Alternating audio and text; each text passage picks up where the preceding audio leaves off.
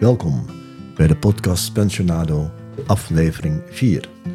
Ik ben Patrick Oudijk en ik praat met pensionado's. Vandaag is mijn gast Erik Dirksen, econoom, Oost-Europa en Sovjet-economie deskundige, patriot, ridder in de Orde van Oranje Nassau. En tot op de dag van vandaag docent en scriptiebegeleider aan de Universiteit van Amsterdam. En voorzitter van de Kring van Amsterdamse Economen. Daarnaast verhalenverteller, boekenwurm en nog veel meer. Ik praat met hem over richting vinden in het leven. Zijn fascinatie voor Nobelprijswinnaar Richard Feynman. Het uiteenvallen van de Sovjet-Unie. De moordende concurrentie vanuit China. Zijn moeder, die hij, als dat zou kunnen, liefst vandaag nog spreekt. En natuurlijk hoe je als pensionado zo lang als mogelijk werkzaam kan zijn. Wij staan dus stil bij verleden, heden en toekomst. Ben jij als luisteraar geïnteresseerd in interessante inzichten en levenslessen van professionals die de klappen van de zweep kennen? Of sta je zelf voor je pensioen of ben je wellicht al met pensioen? Dan is deze podcast voor jou wellicht een bron van luisterplezier en inspiratie. Fijn dat je luistert naar de Pensionado. Naast mij op de bank Erik Dirksen. Erik, hartelijk welkom bij deze podcast. Ja, dankjewel voor de uitnodiging. Zeer vereerd om met jou uh, zeg maar de wandeling te mogen maken en uh, vanuit die wandeling terug te kunnen kijken naar verleden, heden en wellicht ook uh, toekomst. We zullen zien. We zullen zien. Kijk, het begint al meteen heel spannend te worden. Wanneer zag Erik Dirksen het licht en waar? Het licht. En nou, ik ben uh, geboren en getogen uh, Amsterdammer, waar ik reuze trots op ben. En waar ik ook trots op ben, is dat ik uh, ben geboren aan het begin van de hongerwinter. Ik ben van zaterdag 21 oktober 1944. Om half tien ochtends heb ik het levenslicht aanschouwd. In de rivierenbuurt, in de Uiterwaarderstraat. Helemaal aan het eind waar het kerkje staat. Aan het eind bij de richting van wat nu dan de, de, raai staat en zo. Ja. Um, daar hebben we een jaar of... Ja, ik heb daar vijf jaar gewoond. Vier, vier jaar. En in mijn vierde levensjaar, uh, 1949, uh, is er iets gebeurd wat een grote indruk, wat een grote indruk gemaakt heeft. wij zijn verhuisd naar het toenmalige Nederlands-Indië. Nederlands-Indië? Juist. Met, dus we hebben iets gemeen. Wij hebben iets gemeen. Wat leuk. Ik, al, ik, kan zeggen dat ik een van de mensen ben die echt in nog herinneringen heeft aan Nederlands-Indië. Ja. Als vierjarige. En uh, mijn vader uh, had daar een baan als zeeloods gekregen. Mm -hmm. Bij het toenmalige gouvernement. En die was vooruit gegaan. En in juni 1949 zijn we met de Sibajak van de Koninklijke Rotterdamse Lloyd troepentransportschip naar Indonesië vertrokken. Zo. Uh, dat waren heftige tijden. Hè? Dat was uh, na, na, de politionele acties en zo. Ja. Uh, mijn, de, het de loodswezen viel onder de Koninklijke Marine. Dus wij kregen een huis op de marinebasis in Surabaya. Ja. Op de hoek van de Kalimas, vlakbij het havenkantoor. Elke Indië-kenner weet waarschijnlijk waar ik over praat. Met uitzicht op het eiland Madura aan zee. En daar, uiteindelijk hebben we daar ongeveer een jaar gewoond. Uh, ik heb daar flitsen van herinnering aan. Het maakte een enorme indruk op mij als kind. Ja, ja. Maar schepen en al dat soort dingen, dat vonden we allemaal geweldig. Uh, wat ik, even, ik ga er iets dieper op in, omdat het leven in Indië mij voor de rest van mijn leven eigenlijk wel uh, bepaald heeft. Ik heb altijd uh, een enorme interesse in Azië gehouden, gekregen, gehouden toen. En het heeft lang geduurd voordat ik weer naar Azië kon gaan. Maar daar, inmiddels heb ik een aantal keren diverse landen in Azië bezocht. En Indonesië zelf ook. Nog even het verhaal van Indonesië af te maken. Uh, mijn vader was zeeloods. We hebben daar een, uh, eerst in Surabaya gewoond. In Mhm. Surabaya. Uh, na een jaar zijn wij eh, vertrokken naar Balikpapan op Borneo. Ja. Ook een oliehaven, grote raffinaderij van de Shell was daar toen. Uh, ik ben toen in 49 vijf jaar geworden. En ik, in Indonesië kon je met vijf jaar al naar de lagere school. Dus in uh, september 1950 ben ik naar de lagere school gegaan. Dat was een Shell-school in Balikpapan van de Shell. Daar heb ik een aantal maanden nog gezeten. Maar in, ja, tegen december kregen wij een overval op ons huis. Van, uh, hoewel het land al onafhankelijk geworden was inmiddels, hè, de, december 1949, waren er nog steeds veel mensen die alle Nederlanders wilden, het land uit wilden. Ook zo, is goed afgelopen, um, uh, maar mijn vader heeft deze contract verbroken en we zijn uh, in december, eind met kerstmis, ene, kerstmis 1950, weer teruggegaan naar Nederland. Dus de, de, de, de, de duur was vrij kort. Al, anderhalf jaar bij elkaar. Anderhalf jaar voor de baaien, half ja. jaar bij papa ongeveer. ik weet nog heel goed dat ik het vreselijk vond om Indonesië te moeten verlaten. Ik had Indonesische vriendjes hè, ja. ook. Hè, en het ergste vond ik dat ik nu niet wist hoe het zou aflopen met het boekje vast ik aan het lezen was. Want ik was zo'n jonge, snelle lezer. Mm -hmm. Lezen is mijn, uh, mijn tweede ik. Uh, boeken, papier verslinden. Als kind had ik het al en dat was een boekje op school. Het leesboekje wat we hadden. En ik weet nou niet meer wat het was precies. Maar dat, dat ik niet wist hoe het ging aflopen, het verhaal. Dat vond ik vreselijk. Want ja. we gingen weg. nou goed, oké. Okay. Uh, maar dat heeft de hele Indonesië-ervaring heeft indruk op me gemaakt. In de zin dat ik altijd in mijn leven buitenland. Ja. Azië in het bijzonder, maar gewoon buitenland. En uh, ja, wat mijn werk geworden, economie.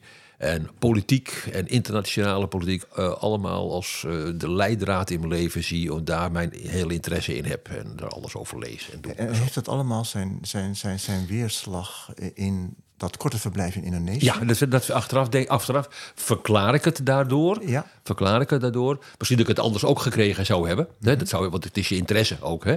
Uh, maar, maar het heeft een enorme stimulans gegeven. Dat, en pas in 1976 uh, toen ik net afgestudeerd was en uh, net mijn eerste baan bij de UvA had, ben ik pas voor het eerst weer naar Azië teruggegaan. Want ja, in die tijd waren er nog niet de goedkope vluchten die we nu hadden. Hè. Dat, dat, dat, dat, kwam pas in de, jaren zeventig pas eigenlijk op. En toen ben ik met een, uh, ik maak nu even fast forward, ga ik nu eventjes. En toen ben ik met een studiereis van de toenmalige SEF, de studievereniging van de economische faculteit, mm -hmm. uh, ben ik drie weken naar Sri Lanka geweest. Wat weer helemaal weer de Aziatische sfeer met zich meebracht en zo. Waar ik helemaal weer dat, dat, dat gevoel kreeg wat ik toen een aantal jaren al de tijd gemist had. Kleine 30 jaar. Even toch nog terug, want ik vind het ja, heel ja. erg interessant wat je zegt. Na die, na die anderhalf jaar uh, Indonesië. Je gaat terug, uh, 1950 ongeveer. Dat is ongeveer nee. ook... Uh, nee, 76 zeg ik. Was dat 76? Nee, we, gingen in 19, we gingen in 1949 daarheen. Heen, uh, 19, we zijn in januari 1951 51, in Nederland gekomen. En toen ja. verder in Nederland gebleven. Ja, ja, ja. wat, wat ik me afvraag is... Is, is er nog veel over gesproken thuis? Uh, want nee, ben, nee, nee, is. Het, is het ook een, meteen een afgesloten Eigen, Eigenlijk wel, ja. Eigenlijk wel. Zoals heel veel dingen, in, ook in de generatie van mijn ouders, ook ja? de Tweede Wereldoorlog uh, kwam eigenlijk nooit te sprake. Hoewel onze generatie in Nederland helemaal opgegroeid is met referentiepunt de Tweede Wereldoorlog. Ja. Op school, herdenkingen, de tien jaar bevrijding in 1955, dat staan allemaal nog voor de geest allemaal. Ja? Maar eigenlijk thuis spraken we er helemaal niet meer over. Nee. En daar heb ik nu achteraf heel veel spijt van. Nu mijn ouders overleden zijn, mm. uh, zou ik ze eigenlijk wel hebben willen vragen. Wat je toen niet deed en ook die, niet bij stil stond.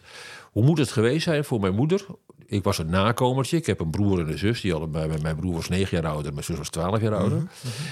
Aan het eind van die oorlog, vreselijke tijd, dat ze in verwachting raakten. Ja. En mij in oktober 44 in Amsterdam hè, op de wereld bracht. Maar dat was niks bijzonders, want op mijn schoolklas Iedereen was uit 1944, 1945. Ja. Dat, dat, dat, dat, was de generatie opgroeide. Er waren genoeg kinderen die al ook geboren werden in die tijd. Nu achteraf denk je van, nou, dat is toch wel iets heel bijzonders geweest uh, in die periode in Amsterdam. Zeker, maar ja. je hebt nog vijf jaar, zeg maar, uh, in Amsterdam gewoond voordat jullie naar Indonesië gingen. Ja. en, en wat, wat, wat, herinner jij nog specifiek van? Nou, van herinner ik uh, flitsen. Ik weet dat ik vier jaar werd. Ja? Dus mijn, verja mijn vierde verjaardag, 1948 kan ik 48, ja. Wat ik heel goed kan herinneren, dat moet de uh, kroning van, uh, van koningin Juliana zijn geweest in 1948, in september. Toen de afstand, Wiener afstand deed. waren wij bij kennissen die aan het, bij de... de, de Amstelkade wonen. En in de Berkelstraat, dus bij de Jozef Isselskade eigenlijk daar. En ik weet dat we daar op bezoek waren en verlichte schepen door de gracht zagen varen. Dat was ten tijde van de festiviteiten uh, allemaal met lampjes en lampions ja, en zo. Sprookjesachtig. Dat ja. was september ja. 48. Dat kan ik me, kan ik me bijvoorbeeld herinneren. Mm -hmm. dat, soort dat soort flitsen. Mm -hmm. En ook van de bootreis naar uh, Indonesië kan ik me heel, heel veel herinneren. De, de, Rode Zee voeren, uh, dus dat moet dan Rode Zee geweest zijn en zo. Suezkanaal, uh, die dingen maakten enorm indruk op als kind. Ja. Dan kom je terug in Amsterdam. ja. Dan ben je een jaar of vijf, Ja, ik, ik, ik, ik, moest leren veters te strikken voor mijn schoenen. Want dat, als kind liep je op blote voeten in Indonesië heel veel. Dus dat, dat soort dingen moest je doen. januari 51, ik vond het maar helemaal niks. Helemaal nee. niks, kan ik weet nou nog. En ik ben toen op de Spiegelschool terechtgekomen. We kwamen in een contractpension terecht in de Tesselschadestraat in Amsterdam. Uh, later is dat nog het uh, hoofdkantoor van de Partij voor de Arbeid heeft in dat pand gezeten, in de Tesselschadestraat. Waar tevoren een bestond, heette contractpensions voor ja. ja. mensen die uit Indonesië kwamen. Waar heel veel mensen kwamen uit die tijd, de tijd terug natuurlijk allemaal. Ja, ja, voor we een huis hadden, na een half jaar, toen zijn we in de Argonautenstraat komen te wonen, bij de zijstraat van het Stadionplein. En uh, mijn vader was inmiddels uh, eerst bij een ingenieursbureau had hij, uh, was hij terechtgekomen. en later is hij in de, bij een kolenfirma, kolenhandel, in dienst gekomen als, als bedrijfsleider, manager hmm. van de, de kolen. In de oorlog was hij ook bij de kolendistributie verbonden geweest. Dat was zijn periode. Ik moet even zeggen over mijn vader, hij was oorspronkelijk zeeman. in de vooroorlogse oorlogse periode bij de Holland-West-Afrika-lijn. Hmm. veel op Afrika, Australië en dat soort gevaren. Maar uh, vlak voor de oorlog is hij gestopt met varen. Hij zag het aankomen en uh, is een walfunctie gekregen. Ja. Uh, en ja, dus de oorlog gewoon in Nederland doorgebracht.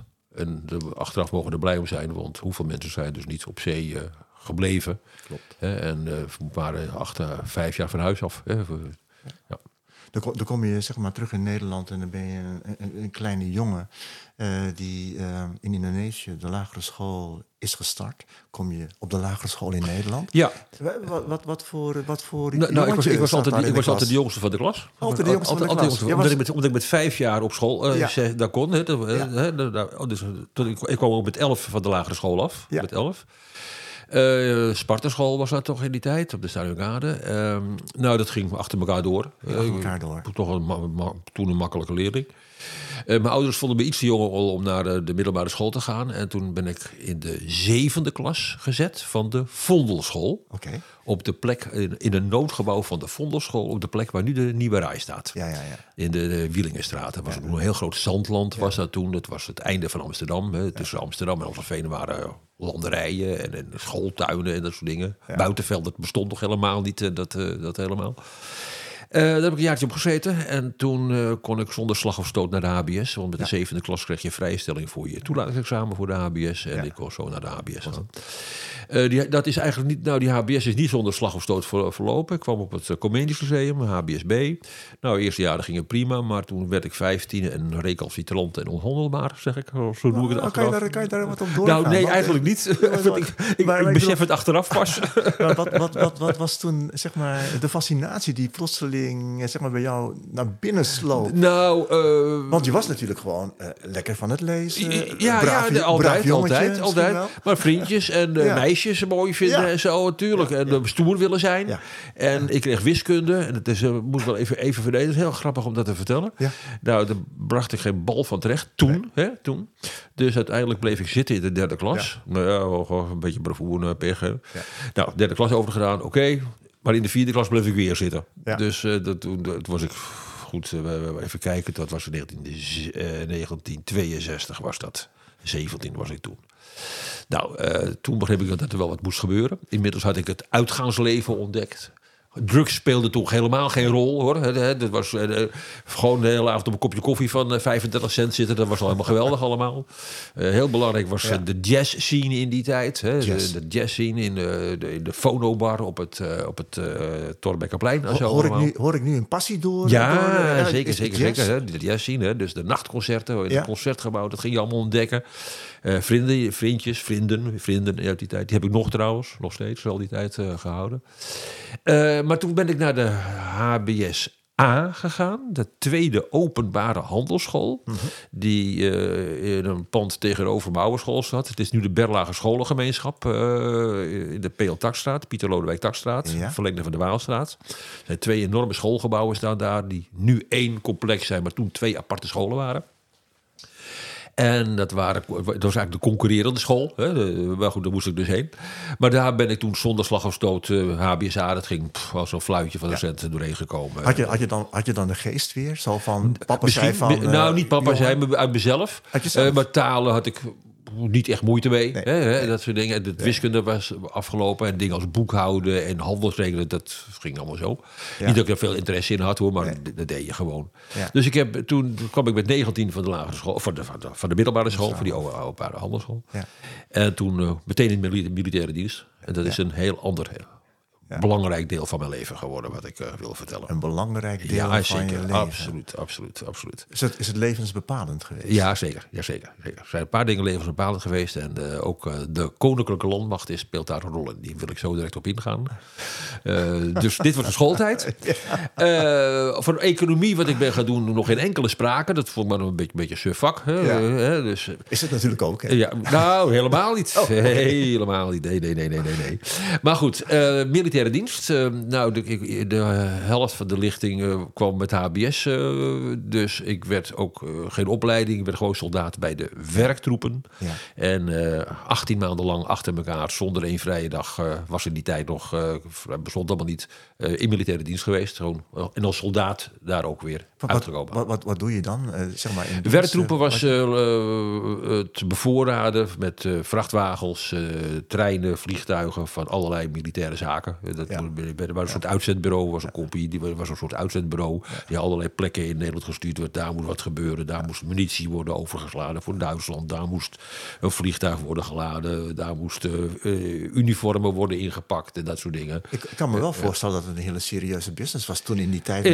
Absoluut. Dat was, dat was de periode 1964, 1966. gewoon echt koude oorlog. nou ja, Nederland, ja, het, het, het, leger was toen een heel instituut wat iedereen wat als jongen je niet aan kon om te trekken, eigenlijk. Ja. Hè? En ik eh, was altijd wel, nou moet ik even zeggen, ik ben altijd ook toen al heel erg was ik al militair geïnteresseerd de historische geschiedenis en militair. Het is altijd, ik was gewoon in dat soort dingen. Luchtvaart is mijn grote hobby. Luchtvaart is een hele grote hobby van me. Uh, was ik erg in geïnteresseerd. Ik heb nog een poging gedaan om bij de troepenmacht in Suriname te komen. Dat, uh, dat kon, maar dat, dat, nou, dat waren te veel mensen. Toen ben ik daar niet voor aangemerkt, uh, aangewezen, helaas. Achteraf, achteraf, helaas. Maar goed, ik heb mijn dienstplicht vervuld toen. Maar, maar ging het dan om, want die interesse, dat, dat trekt ja. mij ook. Was dat het avontuur? Was dat, was dat het, het onbekende? Uh, nou, ik, uh, ja, uh, ik ben gek op schepen, ik ben gek op luchtvaart, ik ben gek op auto. Alles wat dus, beweegt. Dus, dus techniek eigenlijk. Techniek, maar terwijl ik helemaal niet, niet technisch ben of wat dan ook. Nee. Helemaal niet, helemaal nee. niet. Nee. Maar als, als, als, vind, ik vind dat soort dingen mooi, altijd. Ja, ja. En met name luchtvaart en scheepvaart, dat weet ik heel, dat is mijn hobby's. En dat heb ik ook heel veel boeken en, en tijdschriften en dat soort over allemaal. Dat hou ik ook helemaal bij, ook nu nog allemaal. Uh, even kijken. We zijn inmiddels 1966 aangekomen. Maar wat wilde ik bij mijn leven? Ja, ja nou, uh, mooi verhaal. Twee dingen dus in mijn militaire diensttijd. Ik dacht, weet je wat, ik wil een beetje spannende uh, dingen meemaken. Ik wil de reclame in. De reclame. Reclamewereld. Reclamewereld in. Ja. Dus ik ben een cursus copyright, copywriting gaan volgen van het LOI via de welzijnsdienst van het leger. Dus in mijn, in mijn diensttijd lekker uh, ja, zo'n zo schriftelijke cursus uh, copywriting volgen. Dat bestond al, LOI. Ja, ja, ja, ja, dat werd enorm uh, gestimuleerd. Dat je dat soort... Dat je, uh, ik moet zeggen, op school had, was al gezegd... jij moet Nederlands gaan studeren. Want ik was gek op dingen als Nederlandse taal en dat soort mm -hmm. dingen. Maar goed, oké, okay, nou, dat zag ik toen niet zitten. Uh, en ik ben inmiddels mijn uh, vriendin gekregen, die ook later mijn vrouw geworden is, ja. mijn eerste vrouw geworden is. Uh, dus ik kwam in januari 66 uit de militaire dienst, die 18 maanden waren voorbij. en eens even kijken, ja, baan gekregen bij een reclameadviesbureau.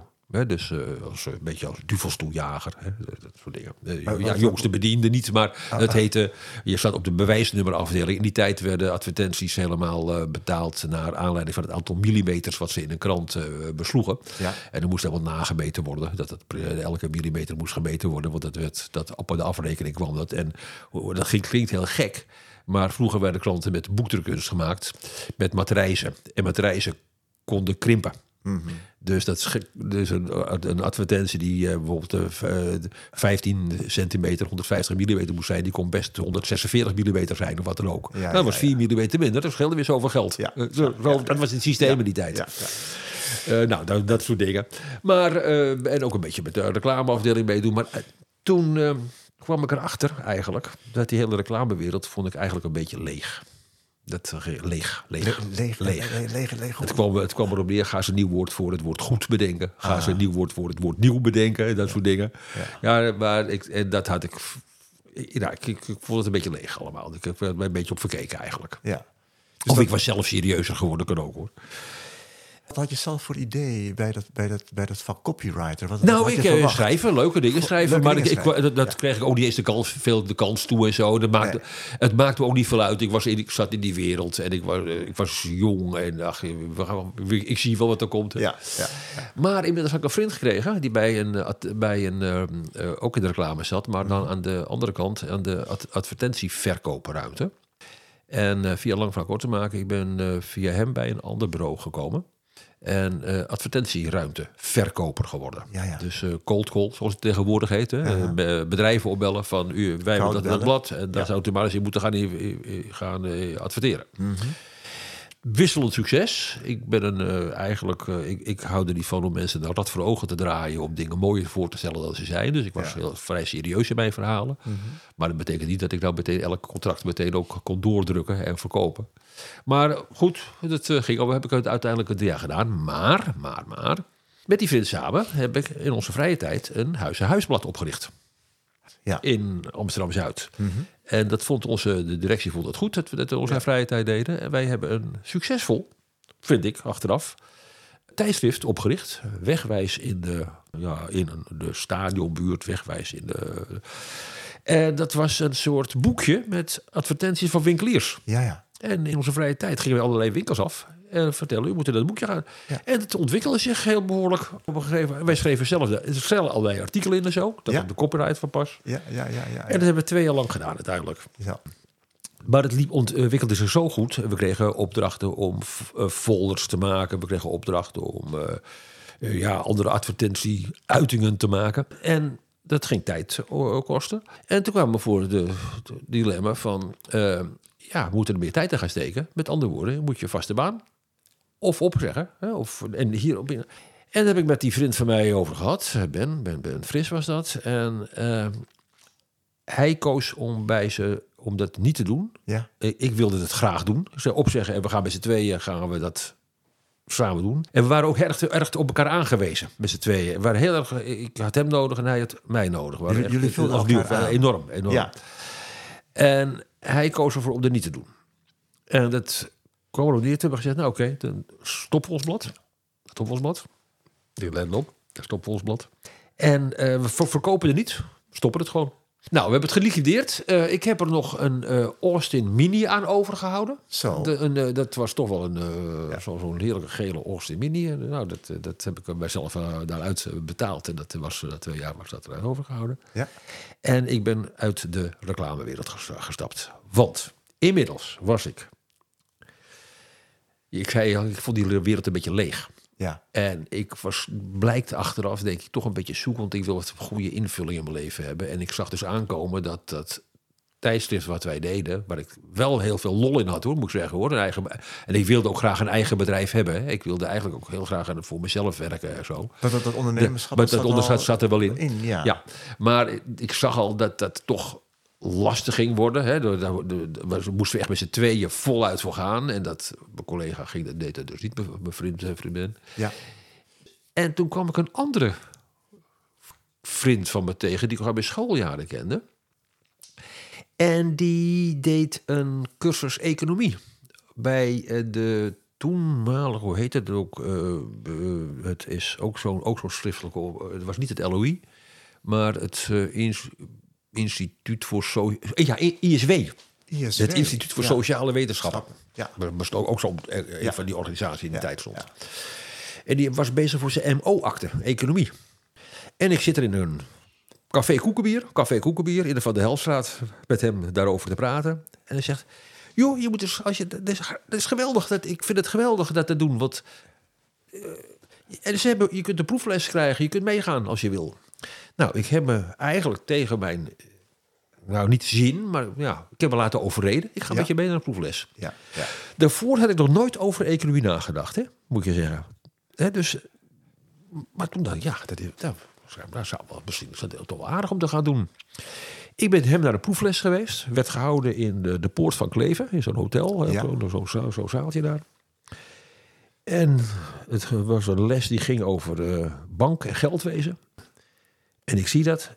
Ik denk, dit is geweldig. Dit, dit wil ik gaan doen. Bam, een soort flits. Nou ja, Ja. een flits, eh, dus overdreven. Maar een, Ja. een, ja, een Ja. eh, aha-erlebnismoment van jeetje. En ik heb me aangemeld voor die cursus. Ja. En ik ben eraan begonnen. En dat werd opgeleid tot MO-akte, de tweejarige opleiding. En dat was het eerste jaar. Ik denk, weet je wat, ik ga... Of dat was, het was, een, het was een, een, opleiding van een aantal jaren. Maar ik dacht, weet je wat, ik ga dit versneld doen. Ik ga dit volgen, deze cursus. Ik sta elke dag om zes uur op. En ik ga alle extra dingen die ik nog er ook bij halen. En ik ben anderhalf jaar lang als een gekke bezig geweest om economie te studeren. Maar even dat... Bij mijn werk.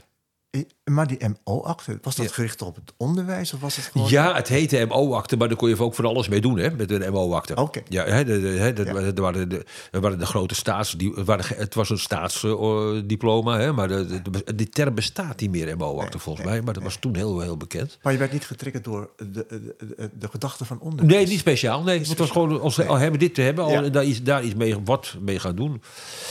Eh, maar ik, de ontwikkelingen gingen snel in mijn hoofd. Ik denk, ik moet toch naar de universiteit. Ja, En met die MO-akte, als ik die heb, dan krijg ik, heb ik een geweldige voorsprong op Ja. die universiteit. Ja. Als ik daar, daarmee naar de universiteit ga. ja.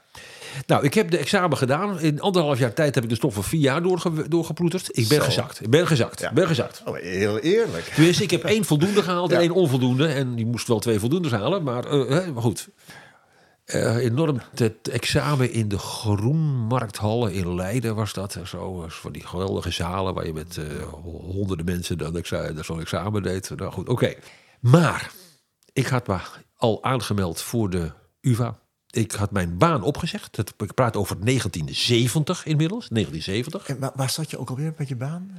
Eh, dit was in Amsterdam allemaal. Ja? Hè, dit was een, een advertentie-verkoopbedrijf voor Ja. allerlei tijdschriften, ja, van, eh, eh, vaktijdschriften. Het, bedrijf, toch- het bedrijf heette Repon, maar dat is niet. Maar het was toch al niks, dus nou, niks, ik, ik had er genoeg van. Ik had genoeg van. Ja, ik, had voor mezelf bedacht, ik ga die wereld van die economie in. Ja, Dus eh 1970 was het. Ik heb de baan opgezegd per 1 juli. En eh, ja, in september begon dan de opleiding. Ja. Eh, gelijktijdig ging mijn grootmoeder naar een eh bejaardentehuis. Het is een, een ver- verzorgingsinstelling. Haar woning, waar zij woonde in Amsterdam, Oud, eh, Oud-West, ja. En daar ben ik meteen ingetrokken. Want, en ik ben meteen getrouwd. Zo. In, Huisje, oktober, oktober huisje, boompje, beestje. Helemaal, helemaal geweldig. We waren, ja. eh, Willy, mijn eh, eerste vrouw, die was, ging, nou, daar gingen we toch al een aantal jaren mee. En we zagen toen kans om daar. eh, dus ik begon te studeren. En ik was een maand later ook getrouwd. Zo. Dus in september, allemaal september, oktober 1970 praat ik over. Ja, ja. Ik, was, eh, ik werd toen, eh, even kijken, dan werd ik 26. Ja, ja, Ja. Nou, komt het. Ehm, in die opleiding was algemene economie, en die was behoorlijk wiskundig. ja. En wat bleek, ik was ouder geworden en wiskunde lag mij geweldig. Waar ik op de middelbare school twee jaar, derde, derde vierde was, op was gestruikeld. Goniometrie, stereometrie, Ja, ja. Ja. Dat, nou, ik vond, het, ik vond het geweldig en ik deed het geweldig. Dus ik pakte de hele wiskundige kant van die opleiding in die economie. Ja. En eh, Maar dat, dat kan toch niet anders dan dat kennelijk door de ervaring die je hiervoor hebt opgedaan, plotseling dat moet zoiets al die zijn. verbanden. Ja, gaat dat, zien. ja, ja dat, dat, dat, dat, de, dus eh, het is niet zo dat ik voor eeuwig de, dat slecht in wiskunde was. Dat Ja. was. Ik denk achteraf was het gewoon een levensfase waardoor ik daar geen interesse in had. Ja. Eh, de- Andere dingen belangrijker vond. Eh, allemaal. de dienst, de dienstplicht. die dienstplicht die was achter mij, hè? Die was achter mij. Maar die, die heeft daar geen invloed op gehad. Dus dat je daar met technische dingen. de Nee, helemaal niet. Nee, nee, nee. Dat is gewoon. de- Nee, Nee. ik kan het niet anders verklaren dan Nee. dat het ontwikkelen in je hoofd is geweest. hè? Ja, ja, ja, ja, ja. ja. Dus, het dus dat ging. Nou, ik heb dat eerste jaar en ik had heel veel aan die opleiding, hoewel ik gezakt was voor het examen, Ja. die, dat ik toch via in die, met economie abstract bezig was geweest. Dus ik eh denderde door het eerste jaar heen eigenlijk. Het laagste cijfer wat ik had was een 8 voor mijn tentamens. Het was het laagste. Ik had uh, 8 en 9 voor 10. Ik kreeg ook meteen een bijna volledige beurs het jaar erop. Uh, dat, dat ging ook wat makkelijker toen in die tijd dan nu. Uh, Millie werkte bij een boekhandel. Ik, ik studeerde en er was nog een spaargeld. Dus we, dat redden we het wel op allemaal. Ja, en ja. een aanvullende beurs had je. Ja. En uh, nou ja, ik ben... En die economie, dat, dat vond ik geweldig. Dat vond ik, ik vond het geweldig. Nou, dan ben ik, het was toen een vijfjarige opleiding. Ja, ja. En uh, even door te gaan. Ik laatste jaar heb ik het iets uitgesmeerd, want ik wilde graag op de UvA eigenlijk een baan krijgen. En ik ben studentassistent geworden toen, Ja, het laatste ja, jaar. ja. Bij uh, wat toen macro-economie was. En uh, nakijken van, uh, van, van werkstukken van, van studenten en zo. Was, was dat meteen al duidelijk voor je dat je dacht van dit is een wereld waar ik in wil blijven? Waar ik wel zou willen blijven, dacht ik toen. Ja, deze de academische wereld. Ja, ja, ja. ja, ja. En eh, ik ben met gespecialiseerd in de internationale economische betrekkingen. Nu komt het internationale terug. Hè? Dat was het, het vak IEB, zoals wij dat in het jargon Ja. IEB, eh, maar het heet nu International Economics in de huidige, weer, de huidige ja, ja, In de tijd. Ja. Nou ja, eh, en dat. eh, nou, en. ehm, nou, en het mooie was, ik studeerde af dus 1976. Nou, ik wilde wel bij het Rijk werken, dus was sollicitatie bij het Rijk. Dan moest je een psychologische test door doorstaan. En nou, dan kreeg je drie, drie uitslagen: ongeschikt, twijfel of geschikt. Ja. Nou, ik bij, naar mijn psychologische test bleek twijfel op te leveren. Oké. Ik heb geen idee waarom. Geen idee waarom. Werd ook niet toegelicht? Ook ja, wel. Ik heb gevraagd. Nou, u, eh, u bent eh, te makkelijk voor, voor eh, u bent te streng voor anderen en te makkelijk voor jezelf. Oh, nou, Waar me dat uit heeft gehaald, Joost mag het weten. ja, ja. Of het zo is, weet ik ook helemaal nog steeds niet. Na 70 jaar of dus. Ik ben nu bij de 80. Ik weet nog steeds of ik te streng voor anderen en te makkelijk voor mezelf ben. Geen idee. maar eh, oké. maar En dan werd je dus niet bij een traineeship voor het Rijk aangenomen. Ja. Achteraf vind ik het ook niet erg, want eigenlijk hou ik ook niet van bureaucratie. Maar ik hou wel van officiële, serieuze dingen. Dat, nou goed, oké. Maar wat was mijn grote geluk? Ik had ook gesolliciteerd bij de UvA zelf, bij mijn eigen afdeling. Want eh, toen ik wegging, kwamen daar net twee halve plaatsen vrij. Halve, eh, voor de halve werktijd. Maar geen studentassistent? Nee, maar was zo als serieus, medewerker. echt medewerker. Ja. En wat was het, die situatie? Het is onvoorstelbaar in deze Ja. tijd. We praten over 1976. Ja. Het was formeel nog de gemeenteuniversiteit. Ja. Dus een gemeenteinstelling. En eh, bij de gemeente hadden interne sollicitanten voorrang boven externe sollicitanten. Nou, op die twee plaatsen waar ik op zo. Tenminste, ik solliciteerde op één van die twee plaatsen. Ja. kwamen geen andere sollicitanten. Want er waren geen internen, andere internen die daarop solliciteerden. Ja. Dus ik werd zo aangenomen. Heerlijk. Eh, Ja. En eh, dat, was, dat was helemaal geweldig. Ik werd door, aangenomen door Arie Pais. Een, hoogleraar die later nog minister van Onderwijs is geworden. Ja. Voor de VVD, Arie Pais. Eh, die was toen hoogleraar. Eh, ook Duisenberg eh, had je in die tijd. Nou, met name uit die tijd. Toen, kwam, toen kwam de grote verrassing. Ik werd aangenomen op- voor het vak micro-economie. Die kwam af van macro-economie, maar micro-economie was het de hele wiskundige kant. En ik werd aangenomen speciaal, ja, ik wil jou zeker hebben vanwege die wiskundige zaken die ik wel had getoond. Hè, en dat ik daar. Nou, Ehm, aangenomen. Voor de, maar het was een baan voor de halve werktijd. En, met- en twee dingen. Het was met name voor avondopleiding. En ik moest natuurlijk onderzoek gaan doen. En, ik werd, eh, en er was onderzoek nodig op het gebied van de Sovjet-economie. En hoe oud ben je dan? We praten over 1976. Toen, dat was, ik, uh, ik was 31. 31. Ik zou 32 ja, worden. Ja, ja, we praten september, ja. vlak voor mijn 32 jaar. Ja, ja, En dan al flink gezetteld natuurlijk. Nou, flink gezet, nee, nou, nee, niet echt. Want ik had, toen, uh, toen begon ik pas geld te verdienen. Of pas, pas, pas een inkomen te krijgen. En nog mijn half inkomen ook nog maar. Uh, dus daarvoor, nee, ik had, ik had wat, bij uitzendbureaus wat gewerkt tussendoor. Hè, de, wat, maar in de, de zomer maanden. Maar dat, je, je, was toch echt wel een geluksvogel, want het was ook een, een best een moeilijke economische periode. Ja, um, dat wordt gezegd, maar ik, in mijn omgeving kwam toch iedereen wel terecht. Uh, wat, wat ik die afstudeerde, ik heb in onderwijs nam veel mensen en zo toch in die tijd. dus ik heb daar eigenlijk verder geen, geen in mijn vriendenkring ook niks van gezien. Iedereen kwam terecht. Iedereen kwam aan een, kwam aan een baan terecht. Dus hoe dat, dat heb ik niet zo ervaren. Goed, ik dus medewerker geworden. En ik ging mij specialiseren in de Sovjet-economie. Ja. Er was een heel, er was een heel centrum, uh, professor Michael Elman. En, uh, nou, en ik wist er helemaal niks van natuurlijk. Maar ik vond het, ik was wel erg geïnteresseerd in ontwikkelingseconomie, ontwikkelingslanden. En in mijn scriptie ging ook over ontwikkelingslanden. Toen dacht ik, nou, dan geen ontwikkelingslanden, maar ga ik die Oost-Europa kant. Dat is ook wel interessant. En ik ben me er helemaal in gaan verdiepen. Nou, daar heb ik een hele behoorlijke, vind ik zelf, uh, carrière in gemaakt. Wat, wat kan, je iets zeggen over de, de, over, de, over de inzichten die je daar hebt opgedaan? Ik bedoel, ontwikkelingslanden aan de ene kant, uh, Oost-Europa uh, Ik bedoel, ontwikkelingslanden, dat was bij internationale belangstelling, economie en politiek. Hè, dat, dat, dat, dat, vond ik allemaal geweldig. En de uh, Sovjet-economie, die wel wat technisch was, maar waar voor, ook voor allerlei zaken als politiek en geschiedenis een rol in speelde. Ehm, ik, ik, ging los en vast lezen wat er over te vinden was en zo allemaal. Hè? En dat kon ik uiteindelijk allemaal goed combineren. Uh, ik ben toen gaan publiceren. Hè?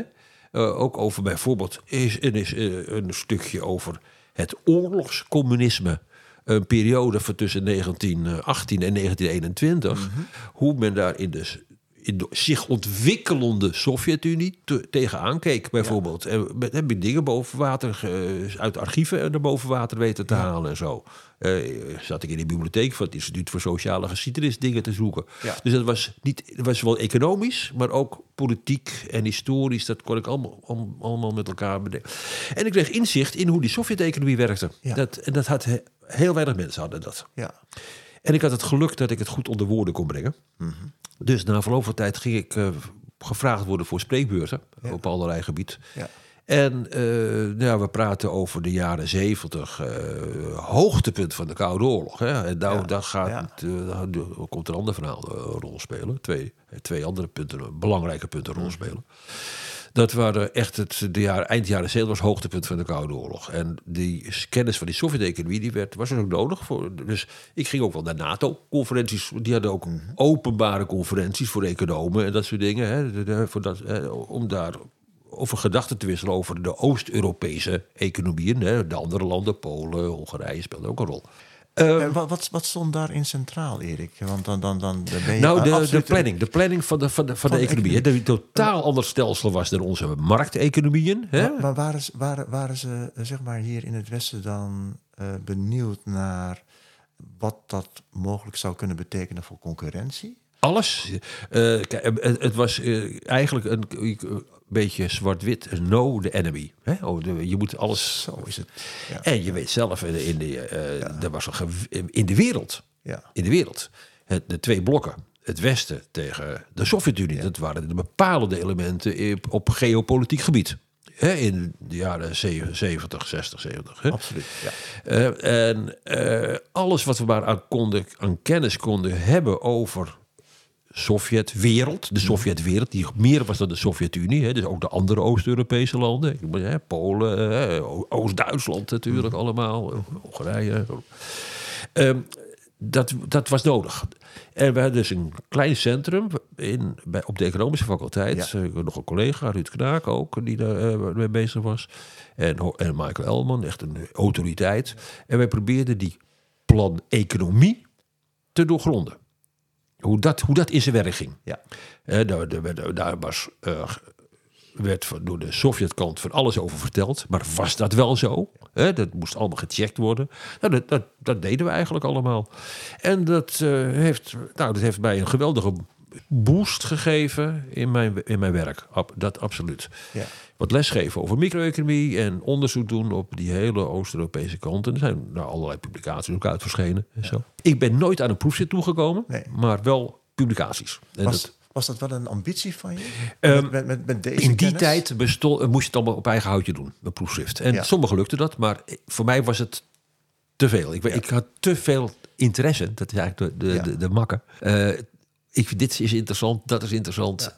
Om me heel een gedurende lange tijd op één klein ding te focussen. dus dat was een beetje mijn, mijn, uh, mijn makker, denk ik. Dus daar ben ik nooit toe gekomen. Daarnaast ben ik ook een, ben ik ook een lesboer, om het te zeggen. Ik vind het geweldig om een verhaal te vertellen. Uh, dus ik gooide veel meer energie daarin. En zo is het gegaan. En oké, eh, dus... Maar ik, ik, werd helemaal geaccepteerd als... als nou, dat vind ik als deskundige in die tijd. Ja. En ik ben toen ook docent op Klingendaal geworden het instituut Klingendaal. Ook, ook een heel belangrijk punt. Uh, dat is pas eind in de jaren tachtig is dat pas op gang gekomen. Maar daar ben ik uiteindelijk 30 jaar uh, bijna vast gastendocent geweest. Of meer dan 30 jaar. Tot, tot vorig jaar, tot uh, 2022 heb ik eigenlijk een beetje, denk ik, mijn laatste les gegeven daar. Um, dat was dat punt. Maar we praten over eind jaren 70. Mm Hoogtepunt van de Koude Oorlog. En dan komen twee andere bepaalde, zeer bepaalde elementen eh, aan, aan bod. Ik vond dat ik een standpunt moest innemen en laten zien. Ten opzichte van uh, de mensen die uh, A. de Sovjet-Unie niet als een gevaar zagen. Ja. He, dus van, ja, je kunt de, de, de, de, van links tot extreem links. Mm -hmm. Het was ook, nou, het was ook, ook uh, het, het, punt van de, van de Vietnamoorlog speelde ook natuurlijk een rol. Ik, wil, ik wilde laten zien dat ik niet links was. Dat, dat, daar komt op neer. Je wilde laten zien dat je niet, links, was. Dus, wat kan je dan doen? Twee Want dingen. je werd geassocieerd met links? Nee, ja, mensen dachten, oh, je bent met de Sovjet-Unie bezig. bezig. Dat zou het allemaal wel geweldig mooi vinden dat je dat, hè, dat, je dat, al, dat, je dat allemaal zo, uh, daar zal je er allemaal achter staan wat daar gebeurt. En dat was, nee, we keken juist uh, op, op, ja. op, we probeerden op objectieve wijze te, ja. voor- en nadelen van die en nou, dat lukte behoorlijk hoor, moet ik zeggen. Vind in mijn ogen, dat lukte behoorlijk. Was, was, was, was het niet zo dat ook in die tijd uh, de Universiteit van Amsterdam als links universiteit... Die werd beschouwd als links, maar dat viel allemaal reuze mee. Het was een beetje Partij voor de Arbeid links. Uh, ja, ja. De, maar we zijn wel ook een hoogleraar VVD. Uh, ja. Pais bijvoorbeeld. maar de Partij voor de Arbeid speelde wel een grote rol bij de, bij de, bij docentenkorps. Maar had, had, had niet te maken met het misverstand dat jij jezelf. Nee, nee dat was los, los, los daarvan. Los en de economische faculteit is altijd een rustige faculteit geweest op uh, demonstratiegebied eh, bij de UVA. Die zaten allemaal bij de politicologen, daar zaten de extremere, de extremere gelovigen. Dus, um, maar goed, oké. Okay. Um, dus ik ben uh, toen lid van de VVD geworden. Ja. Lid van de VVD ben ik geworden. Dat was allemaal zo rond 1980, 1981. Want nu komt het. 1979 zeg ik, dat was het echt het hoogtepunt voor de Koude Oorlog. Namelijk, de Sovjet-Unie viel Afghanistan binnen. Mm -hmm. Om het Afghaanse regime te redden. En dat hebben uiteindelijk tien jaar daar eh, gezeten. In, uh, in Polen ontstond Solidarność, Solidariteit, de vakbond. En er werd door de toenmalige uh, heerser in Polen, Jaruzelski, de mhm. noodtoestand afgeroepen. Uh, vakbond werd, hè, de boek, eh, beroemde vakbond van uh, Lech Walenska. die werd toen ook weer verboden en al dat dingen. En uh, Reagan kwam in de Verenigde Staten aan de macht. Reagan. Reagan. Die ja. het, de Amerikaanse strijdkrachten weer nieuw, nieuwe investeringen deed. Die zei, we moeten er wat tegen gaan doen. Veel meer dan daarvoor Carter. Ja, Carter voor Reagan. Dus Reagan was het, was het. De inval van de Sovjet-Unie. En en dat kwam allemaal samen, zo in 1979 kwam het allemaal samen. Mm. Ja, 80. En toen, het hoogtepunt van de Koude Oorlog, men hield wel rekening van het kan wel eens, uh, ja, ook toen van het kan de oorlog worden. Net zoals we er eigenlijk nu weer, weer bezig zijn. En toen dacht ik, als het oorlog wordt, ik wil erbij zijn. Ik, ik wil daar een rol in spelen. En wat bleek? Er is toen, eh, voor, voor, voor zover ik het weet, we hebben een korte tijd uh, minister uh, van Defensie gehad. Jo, uh, van Mierlo, Hans van Mierlo. Ja, Hans van Mierlo, D66. Een andere D66 dan de huidige D66. Ja, ja, ja. En ten tijde van zijn bewind, of, of ja, hoe het gegaan is, is er een rapport verschenen dat het Korps Nationale Reserve, wat bestaat uit vrijwillig dienende reservemilitairen, mensen die een burgerfunctie hebben, maar een aantal uren per jaar militair zijn. En in mijn geval, want ik ben erbij gekomen dus, ja. kwam dat minimaal één keer in de week. Was je de tijd, een dag of een middag of een avond militaire dienst, was je militair. Ja. Uh, kon je maar aanmelden bij het Korps Nationale Reserve. En daar werd een hele campagne voor gehouden. In 1980 was dat, 1980. In de tramhokjes, bij de bussen. Meld jou bij de Nationale Reserve. Iets wat daarvoor nooit over had nagedacht. Ik vaag wist dat het bestond, maar één ding. Dat moet ik gaan doen. Waarom? Militair. Ik, ik, was, ik zeg je, ik had altijd interesse in militaire zaken. Ja. Uh, militaire historie. Ja. Uh, alles van geschiedenis op militair gebied. Tweede Wereldoorlog heeft altijd een enorme rol gespeeld. Uh, de, de, de, de, kennis over de Tweede Wereldoorlog. De oorlog in de Pacific. De oorlog in, Afrika. Hè, alle, Noord-Afrika. Allemaal geweldig, altijd geweldig interessant gevonden. Maar, maar Als, wacht, wacht, even, wacht even, wacht even. Want dan denk ik bij mezelf dat kan je natuurlijk uh, zeg maar van een afstand heel interessant vinden als beweging, als, als movement. Maar uh, begrijp ik dat nou goed? Jij, jij wilde daar onderdeel van uitmaken op. Als militair? Als, op het slagveld. Ja, ja. Ik denk, als het, als het, eh, als het oorlog wordt, ga ik niet onder mijn, als, onder mijn bed wegkruipen. Nee, dan wil ik erop af. Zo. Nou, oké. Dus ik heb me aangemeld bij de Nationale Reserve. Ja, aangemeld. Hè? En dat was een beetje vreemd, want iemand van de universiteit deed dat niet zo gauw. En omdat ik, en mensen van mij, eh, als al medewerker, die zouden officier zijn. Maar je kwam met nationale reserve, moest, je moest al een militair, je moest, kon toen er alleen maar bij komen. Ja. Als je alle militaire opleiding had gehad. Mhm. Dus het kwam neer allemaal ex-dienstplichtigen konden daar eigenlijk alleen maar bij. Daar komen daar, of, of ex-beroeps. Maar is het dan vaderlandsliefde? Helemaal, helemaal. Ik ben een grote patriot. Ja? Absoluut. Oh, patriot. ja, ja, ja, ja. ja. Ik, uh, ik, ben het eens met uh, wat Jozef Luns ooit eens gezegd heeft. Geen mooier gezicht dan de Nederlandse vlag op een Nederlandse oorlogsschip. Kijk, Kijk eens aan. Daar ben ik heel, sta ik helemaal achter. Oké. Absoluut. Uh, dus, maar, en dan kwam je bij als gewoon soldaat. Gewoon soldaat. Jongens, fantastisch. Fantastisch. Bij de infanterie. nou, ik heb me daar ook daar helemaal 100% aangegeven. Ja. En dat betekent dat ik veel meer deed dan ik minimaal moest. Ja. Nou, ik heb een rustige, keurige carrière binnengemaakt. En ik ben als sergeant-major uiteindelijk 18 eh, jaar later, 19 jaar later, de dienst uitgegaan met pensioen. Hè, toen ben ik 55. En uh, nou, helemaal, helemaal geweldig. Helemaal, en ik ben nu nog steeds, nog steeds uh, in het bestuur van een, de oud-vrijwilligersorganisatie. We hebben een organisatie van al mensen die bij de Nationale Reserve gediend zijn. En ik zit in het bestuur ervan. En ik ben nog steeds geregeld, kom ik in kazernes om ook als, aan oefeningen mee te doen en dat soort dingen. Ik, ja.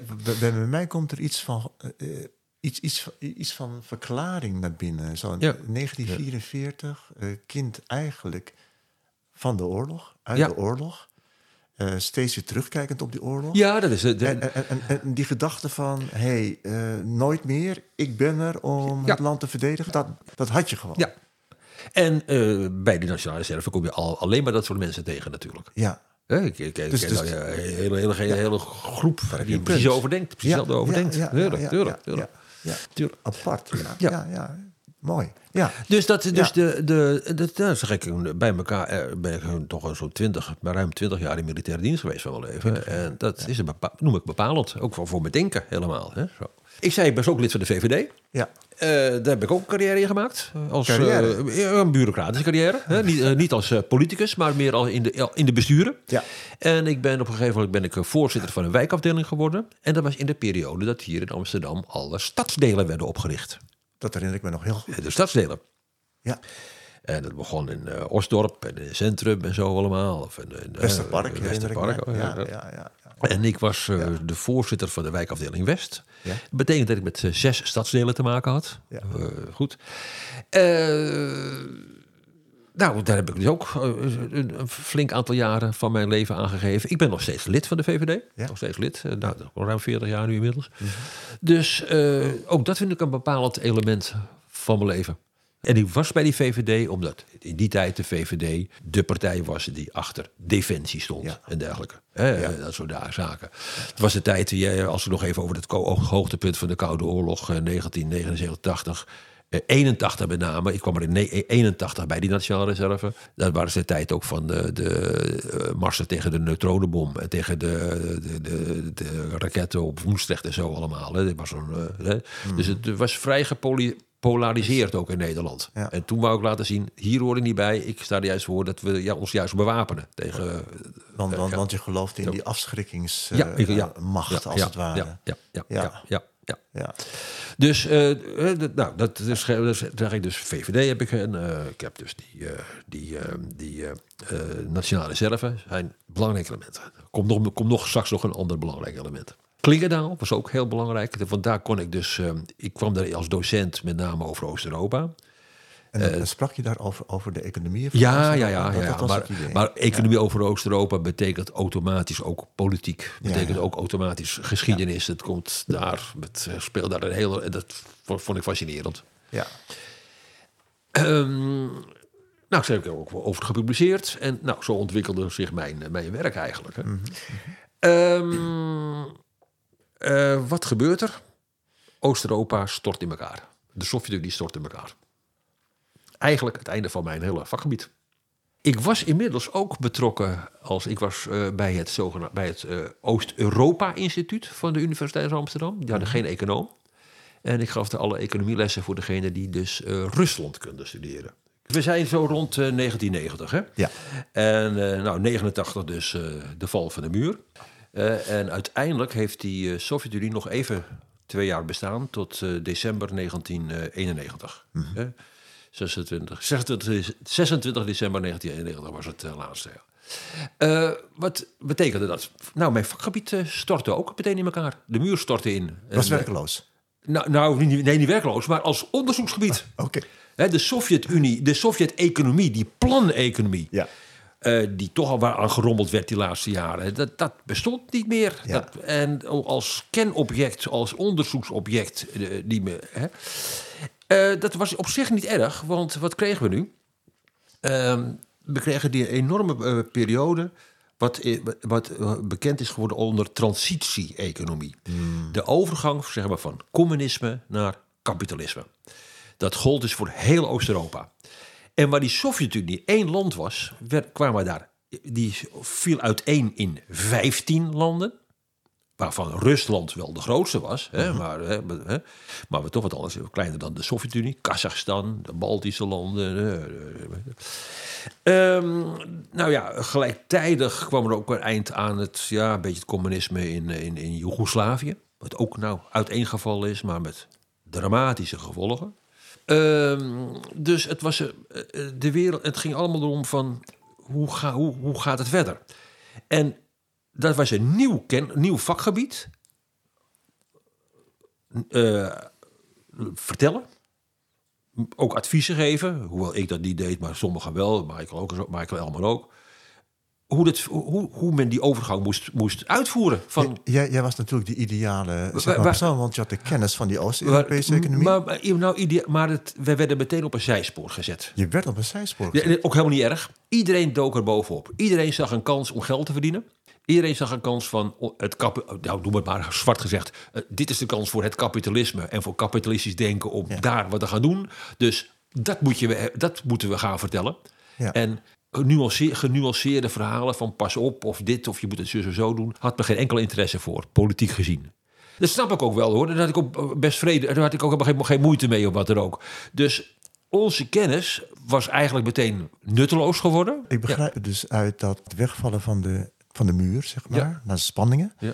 Dat tegelijk op dat moment ook direct uh, zeg maar, de liberale gedachte, kapitalistische staat, werd Al, zonder stil te staan bij van, hé, hey, waar komen ze eigenlijk vandaan? Want dat had jij natuurlijk ja, is heel gestudeerd.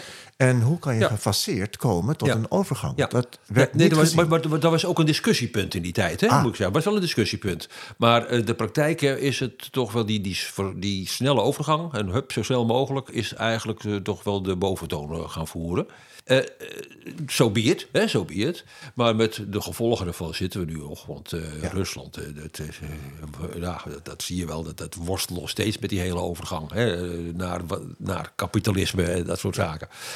Even, dat is even een apart verhaal. Maar nou, het stond wel een nieuw vakgebied, namelijk het vertellen hoe dat, wat er nu gebeurde, om dat toch een plaats te kunnen geven. En dat heette transitie-economie, heette dat vak. Ja.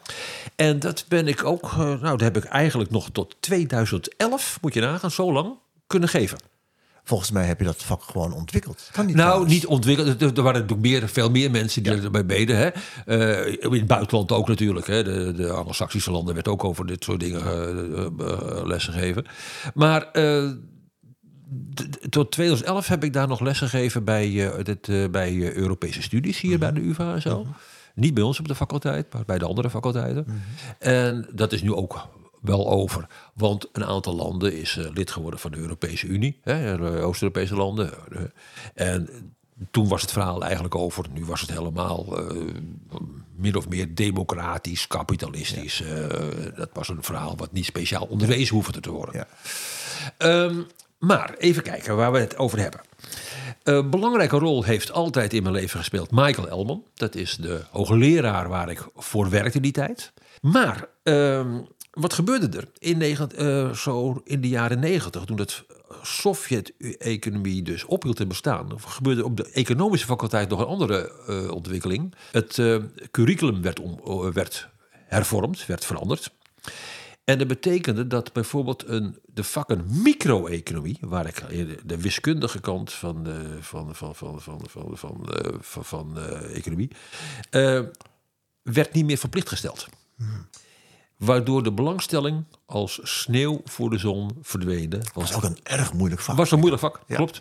Ja. En ik werd eigenlijk overbodig. Ja. Daar kwam het gewoon neer. Ja. Um, en, maar gelijktijdig bij de bedrijfseconomen dat bloeide en groeide. Als, maar niemand wou lesgeven. Elke iemand, iedereen die bedrijfseconomie had gestudeerd... kon zo een baan in het bedrijfsleven krijgen... waar je meer verdiende dan eh, als docent bij de UvA. Dus daar was het tekorten aan docenten. En toen is mij gevraagd, wat vrij uitzonderlijk was in die tijd... zou jij over willen gaan intern van die, afdeling, van die vakgroep naar de andere vakgroep? En uh, hoe oud ben je dan als ik vraag? Uh, we praten over 1995, uh, zeg maar vijf. Nou, ik, ja. Ik dacht er even over na. Ik denk, ja, dat is eigenlijk dat, dat, logisch. Dat ga ik doen. Dat ga ik doen. Ja. Eh, eh, ook interessant. Ook interessant. Want ik, mijn sterke, maar ook mijn zwakke punten. Elk mens, hè? De, elk mens, de sterke punt is ook je zwakke punt. Hè? Is dat ik een hele brede belangstelling heb. Maar daardoor ook niet concentreer, niet genoeg focus. Maar nu was het een punt voor mij. Ik had een brede belangstelling. Ik zeg, dat vind ik ook interessant om te doen. Ja. Dus, ja. hup, overgegaan. Ja. En ik kon bedingen dat ik uh, mijn onderzoek kon blijven houden op het gebied van Oost-Europa. Als ik maar les gaf, als ik maar ging werken in die, bij de bedrijfseconomen. Strategisch management met name. Ja. Organisatiekunde. Want de, de, mensen die er werkten, liepen zo, werden zo weggekocht door het bedrijfsleven. En ik had er helemaal geen trek in. Ik vond het helemaal prima op die universitaire wereld. Mm -hmm. Lekker met boeken bezig, veel lezen, veel vertellen, veel praten, veel lezingen. Ja. Uh, dus dat heb ik gedaan. En dat is een groot succes geworden. In de zin van uh, werktechnisch een succes geworden, laat ik het zo maar zeggen.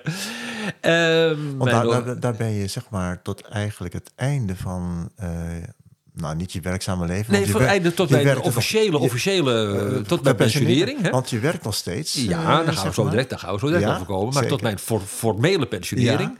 Ja. Onder de hoogleraarschap van Wout Buitelaar professor Wout Buitelaar. Ja.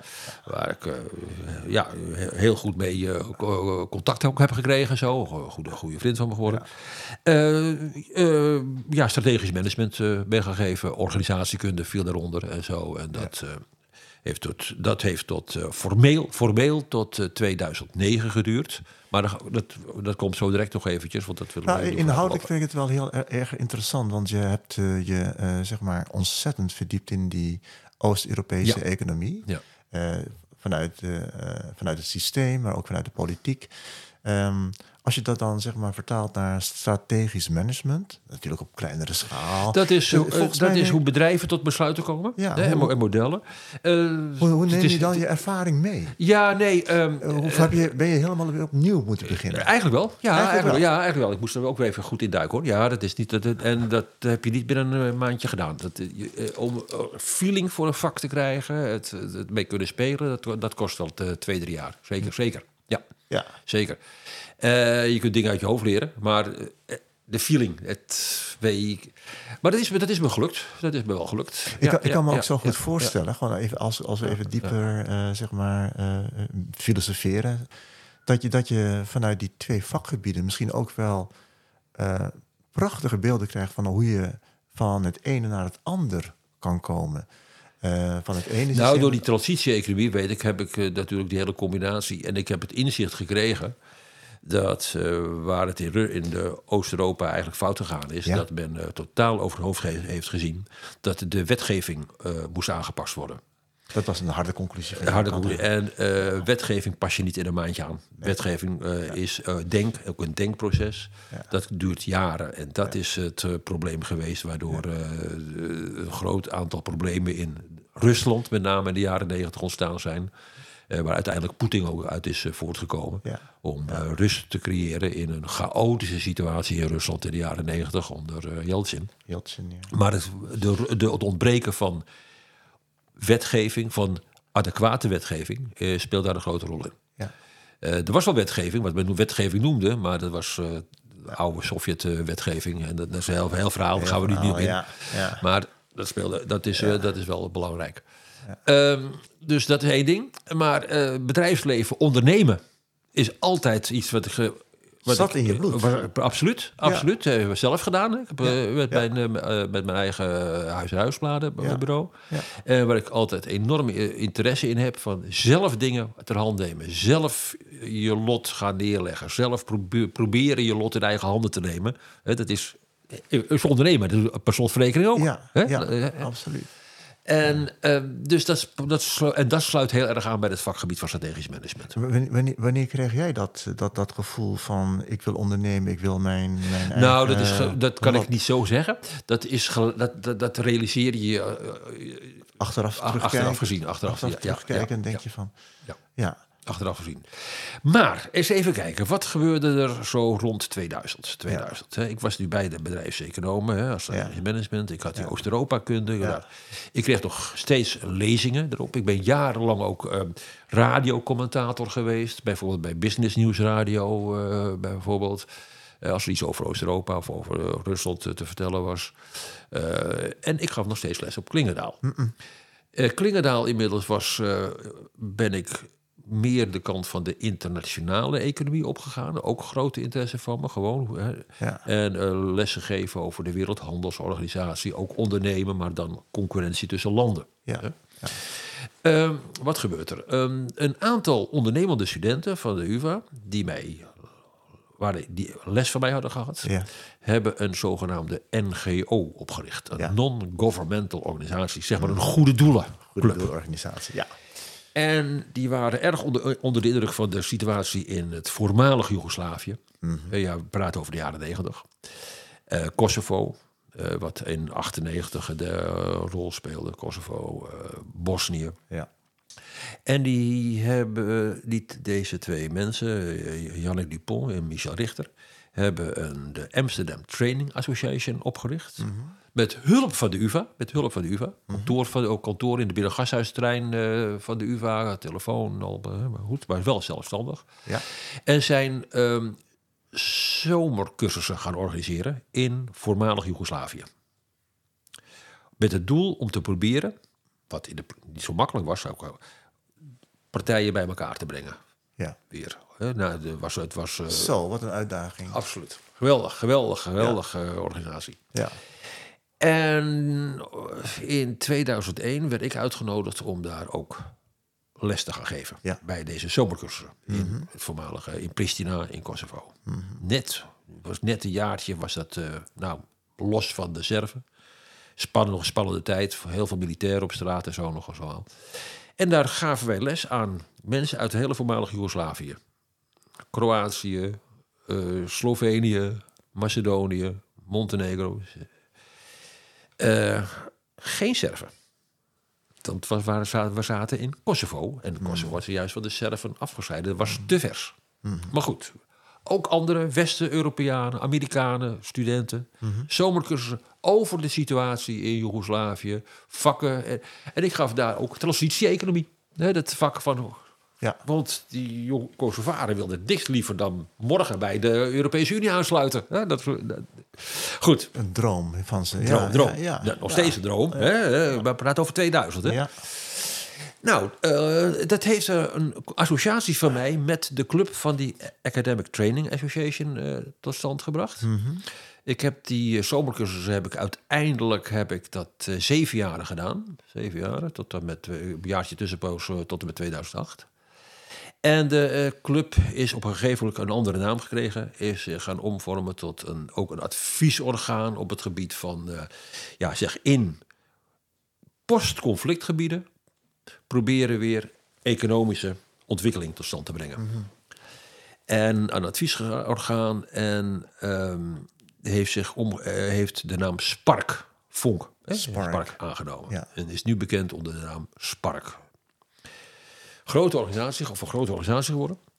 En daar was toen met de professionalisering van de organisatie was daar een bestuur nodig. En toen ben ik gevraagd of ik voorzitter van de bestuur wilde worden mhm. van Spark. Terwijl ik ook lessen bij gaf, ook mhm. aan de bestuurderkant. Mm uh, en ik ben, uiteindelijk is het, ben ik voorzitter van de Raad van Toezicht. De, de, goede doelorganisaties hebben geen raad van commissarissen, maar een raad van toezicht. Ja. En de directie. Ja. En dat heb ik een flink aantal jaren gedaan. Mm uh, uiteindelijk ben ik daar ook zo'n 13 jaar in het bestuur geweest. Tot mijn termijn formeel afgelopen was. Er zijn ook termijnen voor, hè, er wettelijke termijnen voor. En ik ben heel erg betrokken geraakt bij de Spark-organisatie. En dat heeft ertoe geleid dat ik uh, heel veel cursussen ook in de Balkan heb gedaan. Maar dus de organisatie is zich gaan uitbreiden. Uh, met het einde van de oorlogen in Joegoslavië werden de hulpgelden ook minder. Dus mm is zich naar Afrika gaan uitbreiden. En ik ben met Spark, ik heb lessen gegeven in Libië. Mhm. Ik ben in, met ze geweest in uh, Myanmar. Eh, dus dat uh, voor het vroeger Burma heette. Ik ben een keer naar Jordanië geweest. Ja. Dus dat heeft mij geweldig veel gebracht op het gebied van ook internationaal les te geven. Dat deed ik ook bij die summercourses in Pristina en zo allemaal. Ja. Dat vond ik reus interessant. Hè, Mijn interesse internationaal bezig zijn over economie. En ook dat was. En ik gaf ook zelfs cursussen over de Europese Unie. Ja. omdat, eh, eh of ik als voorbeeld in die, in, in, die summer courses en zo allemaal. Je, je kijkt nu terug op een enorme uh, ik, ik waaier van ontwikkeling. Waaier van ontwikkeling, precies. En, en, en, en, en centraal staat dat, dat kennis overdrachtelijk Kenners, bezig zijn. Zo kun je zeggen. Klopt. Op, op, op, op, die manier. Ja. Uh, dus ik was, waar, waar, waar, zie jij nu, zeg maar, uh, met betrekking tot waarvan jij denkt dat je het meeste waarde hebt toegevoegd? Op, op, op, terug. Wat, wat is voor jou een absoluut hoogtepunt? Als nou, je nu met de wijsheid van nu terug. Nou, die, die, die, die summercourses in Pristina waren wel een hoogtepunt. Waar kon je echt, echt heel veel betekenen voor die mensen. Die kregen nu van westerse docentenles op een totaal andere wijze dan zij ooit hadden gekregen daar. Want dat zijn landen waar dus studenten hun kop moeten houden, opschrijven wat de opgelezen wordt door een professor van een papiertje en that's it. Hè? Ja. En wij, zijn, wij gaan discussies aan. Wij gaan ideeën. Wij brengen. En wat vind jij ervan? En wat vind jij ervan? Wij brengen, dat is, dat is de westerse, onze uh, Amsterdamse manier van lesgeven. Maar was het niet zo, Erik, dat, dat, dat, dat, dat, dat je niet het idee had dat ze dachten van, goh, wat is dat voor uh, halfbakken gedoe? Uh, die, die man moet gewoon zeggen wat ik uh, Nee, dat was, die, die, mensen stonden helemaal open. Helemaal open voor helemaal dit soort dingen. De, de jeugd staat daarvoor open. Ja, ja, absoluut. Ja. helemaal voor open. Ja. En dat, dus dat is, dat is e-, enorm, dat is, dat is wel een hele belangrijke bijdrage. Niet van mij, maar ook van meerdere docenten geweest. Hè, die, ik was niet, waar de hele club waren we daar altijd. Hè. Internationaal, was altijd helemaal internationaal. Was het, hè? Dus Amerikaanse docenten, geweldig leuke contacten mee gehad en zo allemaal. Um, ik, dus die, ik heb dus over bepaalde elementen in mijn leven. Nou, dat is die VVD, dat is die UvA, dat is die Nationale Reserve, dat is die Spark. Die kan ik zo wel opdoen allemaal. Ja. Hè? Dat, dat zijn dingen die enorm rol... Klingendaal niet te vergeten. Dat, uh, dat zijn dingen die een rol hebben gespeeld. Um, Ik heb nog bij meer instituten lessen gegeven. Ik ben ook bij, de, de, bij de accountants, NIVRA, heb ik destijds uh, ook uh, vrij s'avonds lessen gegeven. Het actuarieel instituut heb ik lessen gegeven. Er zijn een paar van die dingen. Dus uh, oh, goed. Um, dit was even dus het begin van de 21ste eeuw dus allemaal. Ja. Hè, wat we nu eventjes over hebben, Zijn er ook dingen die je kunt benoemen die echt ook centraal staan in de wijze waarop jij les geeft. Ik bedoel, ik ben een verhalenverteller. Als ik me naar mezelf kijk, ik ben, ik ben, en nou, jij, jij vindt het misschien leuk om te horen. Is er zijn er mensen die een bepaalde uh, bepalend voor je zijn, hè? Ja. Niet, als, niet als persoon, maar wel de Voorbeeld, idee. idee het voorbeeld van mij van wat ik heb willen worden is Richard Feynman. Richard, dan moet je me eventjes helpen. Want Richard, Richard Feynman, is een uh, ja. Nobelprijswinnaar. Oké een, uh, een Amerikaanse natuurkundige. Oké. Die ook, aan, die ook in de kwantummechanica een belangrijke rol gespeeld heeft. Ook ontwikkeling van atoomenergie een rol gespeeld. Richard Feynman. En hij staat bekend van de Feynman Lectures. Oké. Uh, Richard Feynman is een uh, charismatische figuur, was dat. Die ook beroemd geworden is met... Uh, hij heeft ontdekt hoe de Challenger is uh, ontploft. Dat is een van die uh, ruimteschepen van de Amerikanen. Hij is overleden, ja, alweer ruime tijd. Maar Richard Feynman, die ben ik op het spoor gekomen door het volgende. Er is een boek van hem over hem verschenen. Richard Feynman spaarde postzegels. En die is als kind gefascineerd geweest, net als ik trouwens, ik heb ook postzegels gespaard, door postzegels van het heel kort onafhankelijk zijnde land Tuva. Hmm. Nooit van gehoord. Nooit van gehoord. Nee. Tuva is een van de republieken van de Russische Federatie. Hmm. Uh, vlak boven de grens van uh, Mongolië. Mm Tuva.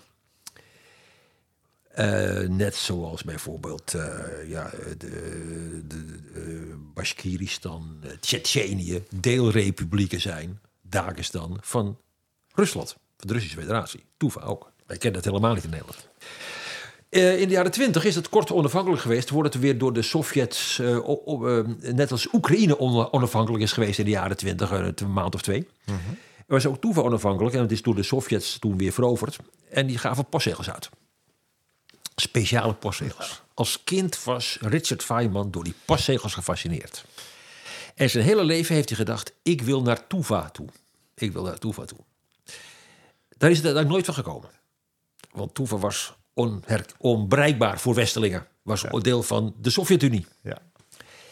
En hij is geloof ik in 88 overleden, dus dat was allemaal uh, hij had vrienden. En daar sprak hij over. En hij, uh, Tuva is een, heeft Mongoolse invloeden. Ook invloeden van shamanen.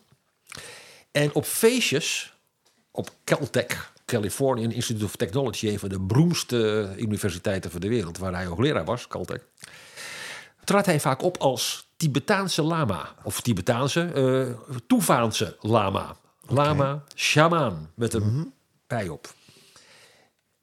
Altijd zo droog geweest, ik moet naar Toeva. Daar is een boek over verschenen van een vriend van hem, toen hij overleed. En uh, die vrienden zijn toen de Sovjet-Unie ophield te bestaan, naar Tuva geweest. In zijn naam naar die reis gemaakt. Daar is een boek over verschenen. Ja. Dat boek las ik.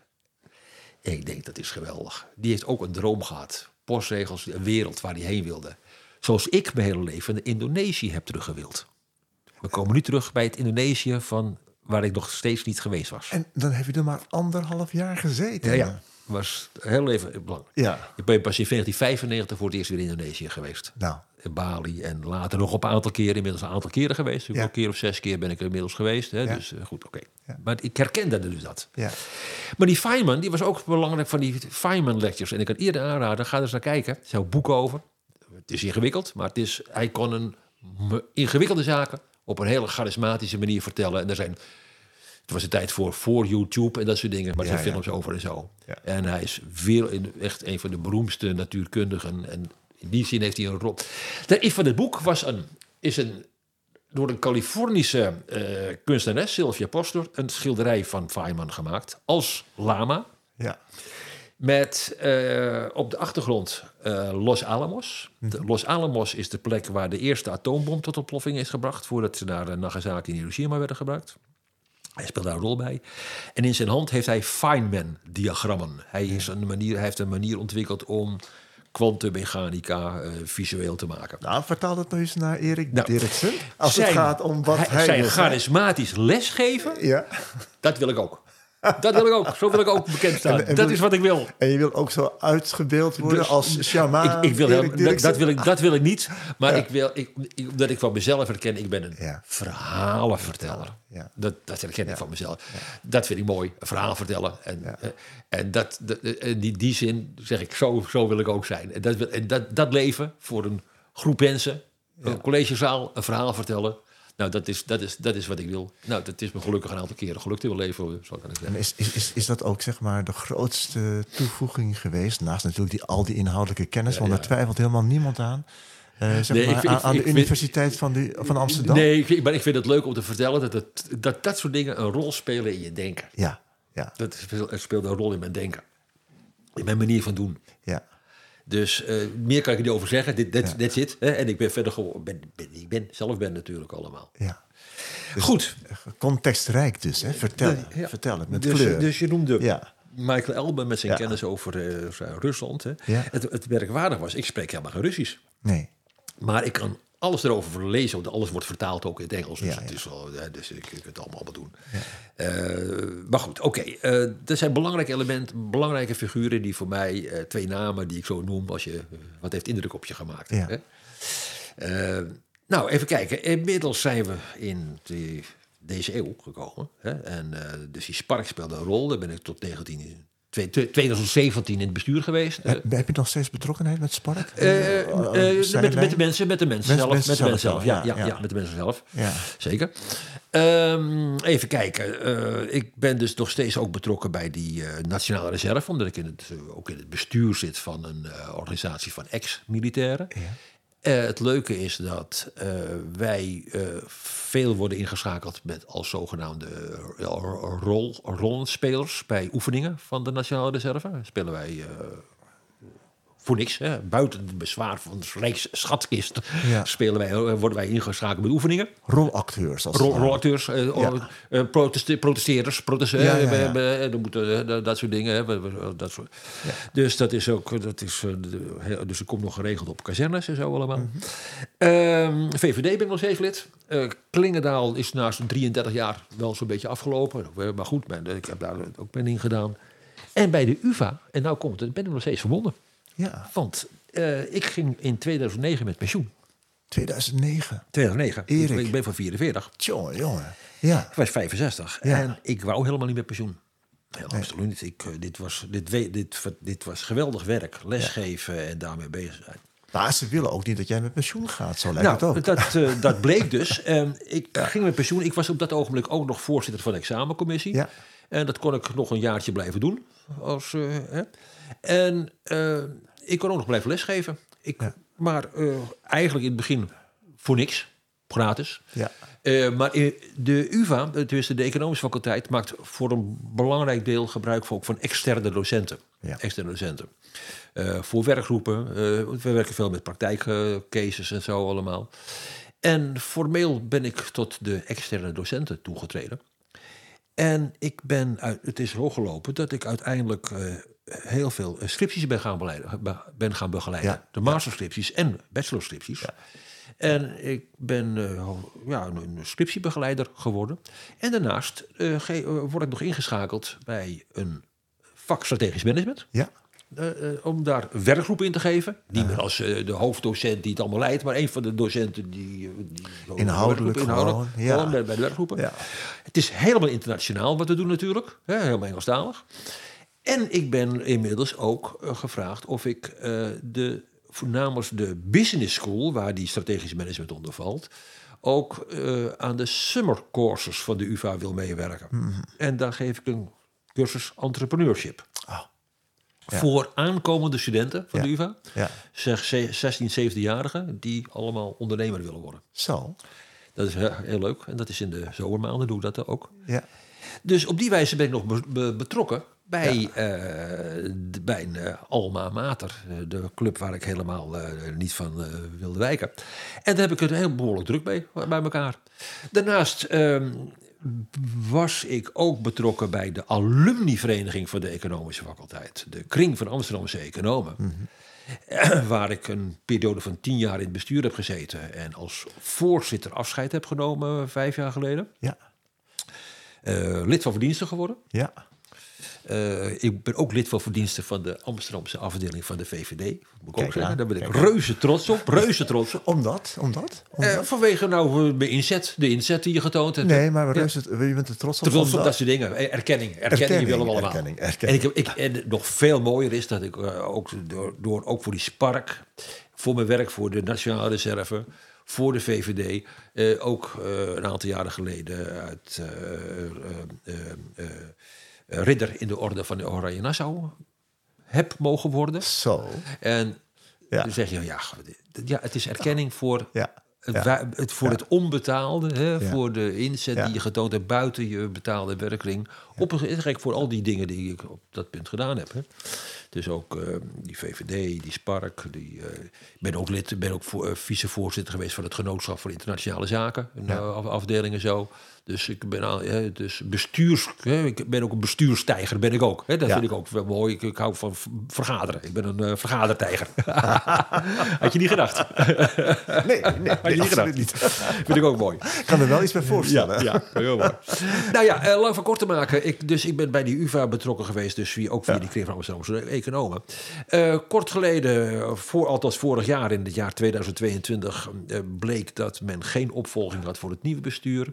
En ik ben opnieuw toegetreden als voorzitter van dezelfde kring van Amsterdamse economen. Ja. Sinds kort ben ik daar dus weer opnieuw voorzitter, voorzitter van, van, voor een nieuwe termijn. Uh, ja. Waar ik probeer lezingen en allerlei andere zaken te organiseren voor de club. Dus dat is even in het kort uh, wat ik uh, aan het doen ben. Nou, daarnaast, daarnaast ja. tot mijn grote geluk, ben ik de afgelopen tien jaar ook nog betrokken geweest bij de Universiteit van Utrecht. Vertel. Ook, ook scriptiebegeleiding. Ja ook gedaan, ook scriptiebegeleiding. Ja. Uh, daar zelfs zodanig, uh, omdat je gepensioneerd bent, kan je niet meer in dienst komen, maar steeds op een, op een uh, manier dat ik steeds voor een half jaar in tijdelijke dienst ben. Ja. Dan weer een halfjaartje af, dan weer een halfjaartje tijdelijke dienst. Ja. Dat heb ik ook al een jaar of tien gedaan. Zo. Dus, dat, dus, dus bij elkaar mag ik zeggen dat ik op scriptiebegeleiding wel wat besporen wel aan het verdienen ben op het ogenblik. Ja, ja dat is wel zacht ja. uitgedrukt. Ja. nu kijk je terug op een indrukwekkende, uh, zeg maar. Ja, eigenlijk is het. Uh, is, is, is, wat is het? Is, is het een levensloop? Ja, het is een levensloop. Ja, dit, dit, dit was een levensloop. Dit, hè? Absoluut. Dus, dus dat en voor mij is het toen ik eenmaal getroffen werd door dat economie. Hè, dat was ja. dat, dat, dat, dat, dat, contact met die, met die ja. vriend van me. Ja. Die, en dat ik met die avondcursus begonnen ben.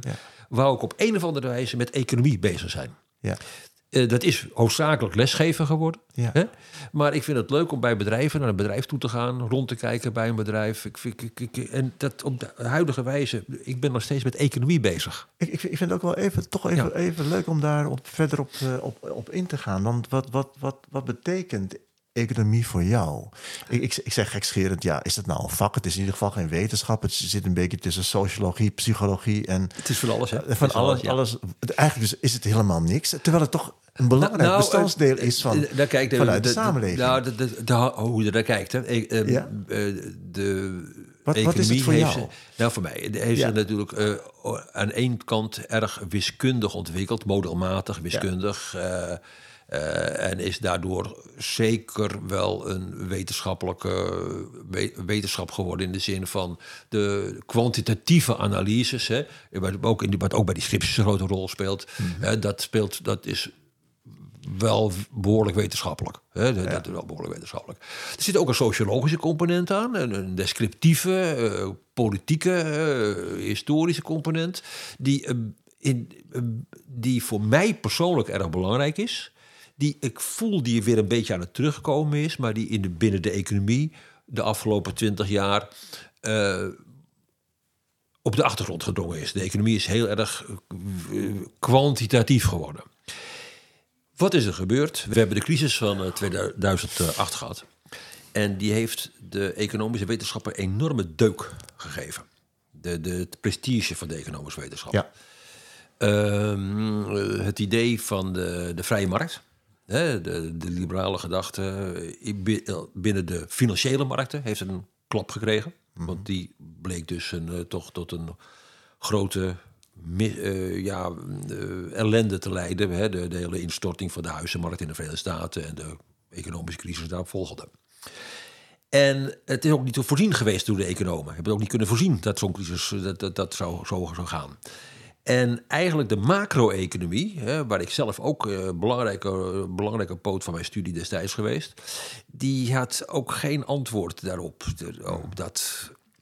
Dus sindsdien zie je weer dat dat kwantitatieve en dat technocratische kant van die economie weer een beetje onder druk staat. En dat dus de beschrijvende, descriptieve kant weer een beetje naar voren komt op het ogenblik. Hmm. Zo, zo het ook eigenlijk meer was in de jaren zestig en daarvoor allemaal. Zo. Uh, hoe dit verder gaat, weet ik niet. Hè? Uh, maar um, dus, uh, hoe zal ik zeggen, het is, je kunt niet zeggen, het is voor alles wat. maar economie en ook de bedrijfseconomie, die hebben wel. de bedrijfseconomie is wel een heel erg bureau, nee, niet bureau, technocratische uh, studie geworden. Hè, in de zin van je moet veel kengetallen kennen en uit kunnen rekenen. Maar uh, het, kan, het is geen wetenschap die heel makkelijk kan, voor, waar je voorspellingen mee kan gaan doen. Helemaal niet. En dat is. Uh, als, als, jij nu met al jouw ervaring zo, zo, zo terugkijkt hè, en ook wetend waarover je praat. En je zou Nederland, laten we maar heel klein beginnen, economisch opnieuw moeten inrichten. Wat, wat, wat, wat, nou, ik zou het niet anders, niet anders doen dan nu. Niet anders, nee. blijft het dan het... Ik, uh, ik, uh, het, nou, één, dus één ding wat veranderd is. Dat, nou, nou komt de geopolitieke rol spelen. Ja.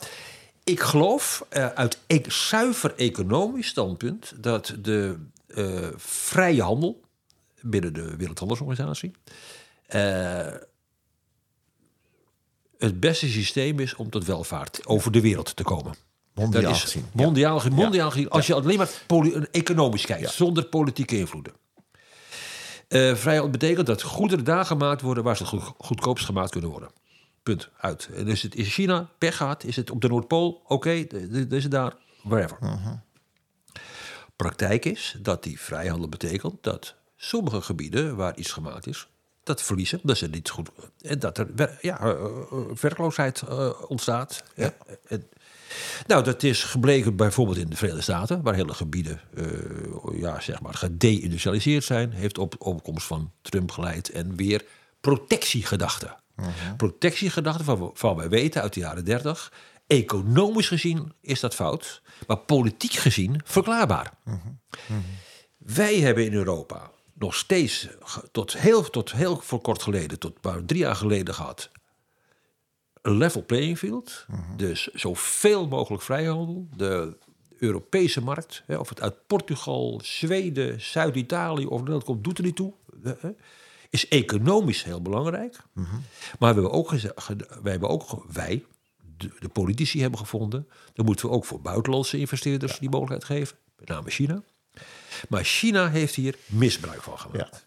Ja. China is zichzelf gaan subsidiëren, verrijken, uh, richten en heeft gebruik gemaakt van de vrije markt.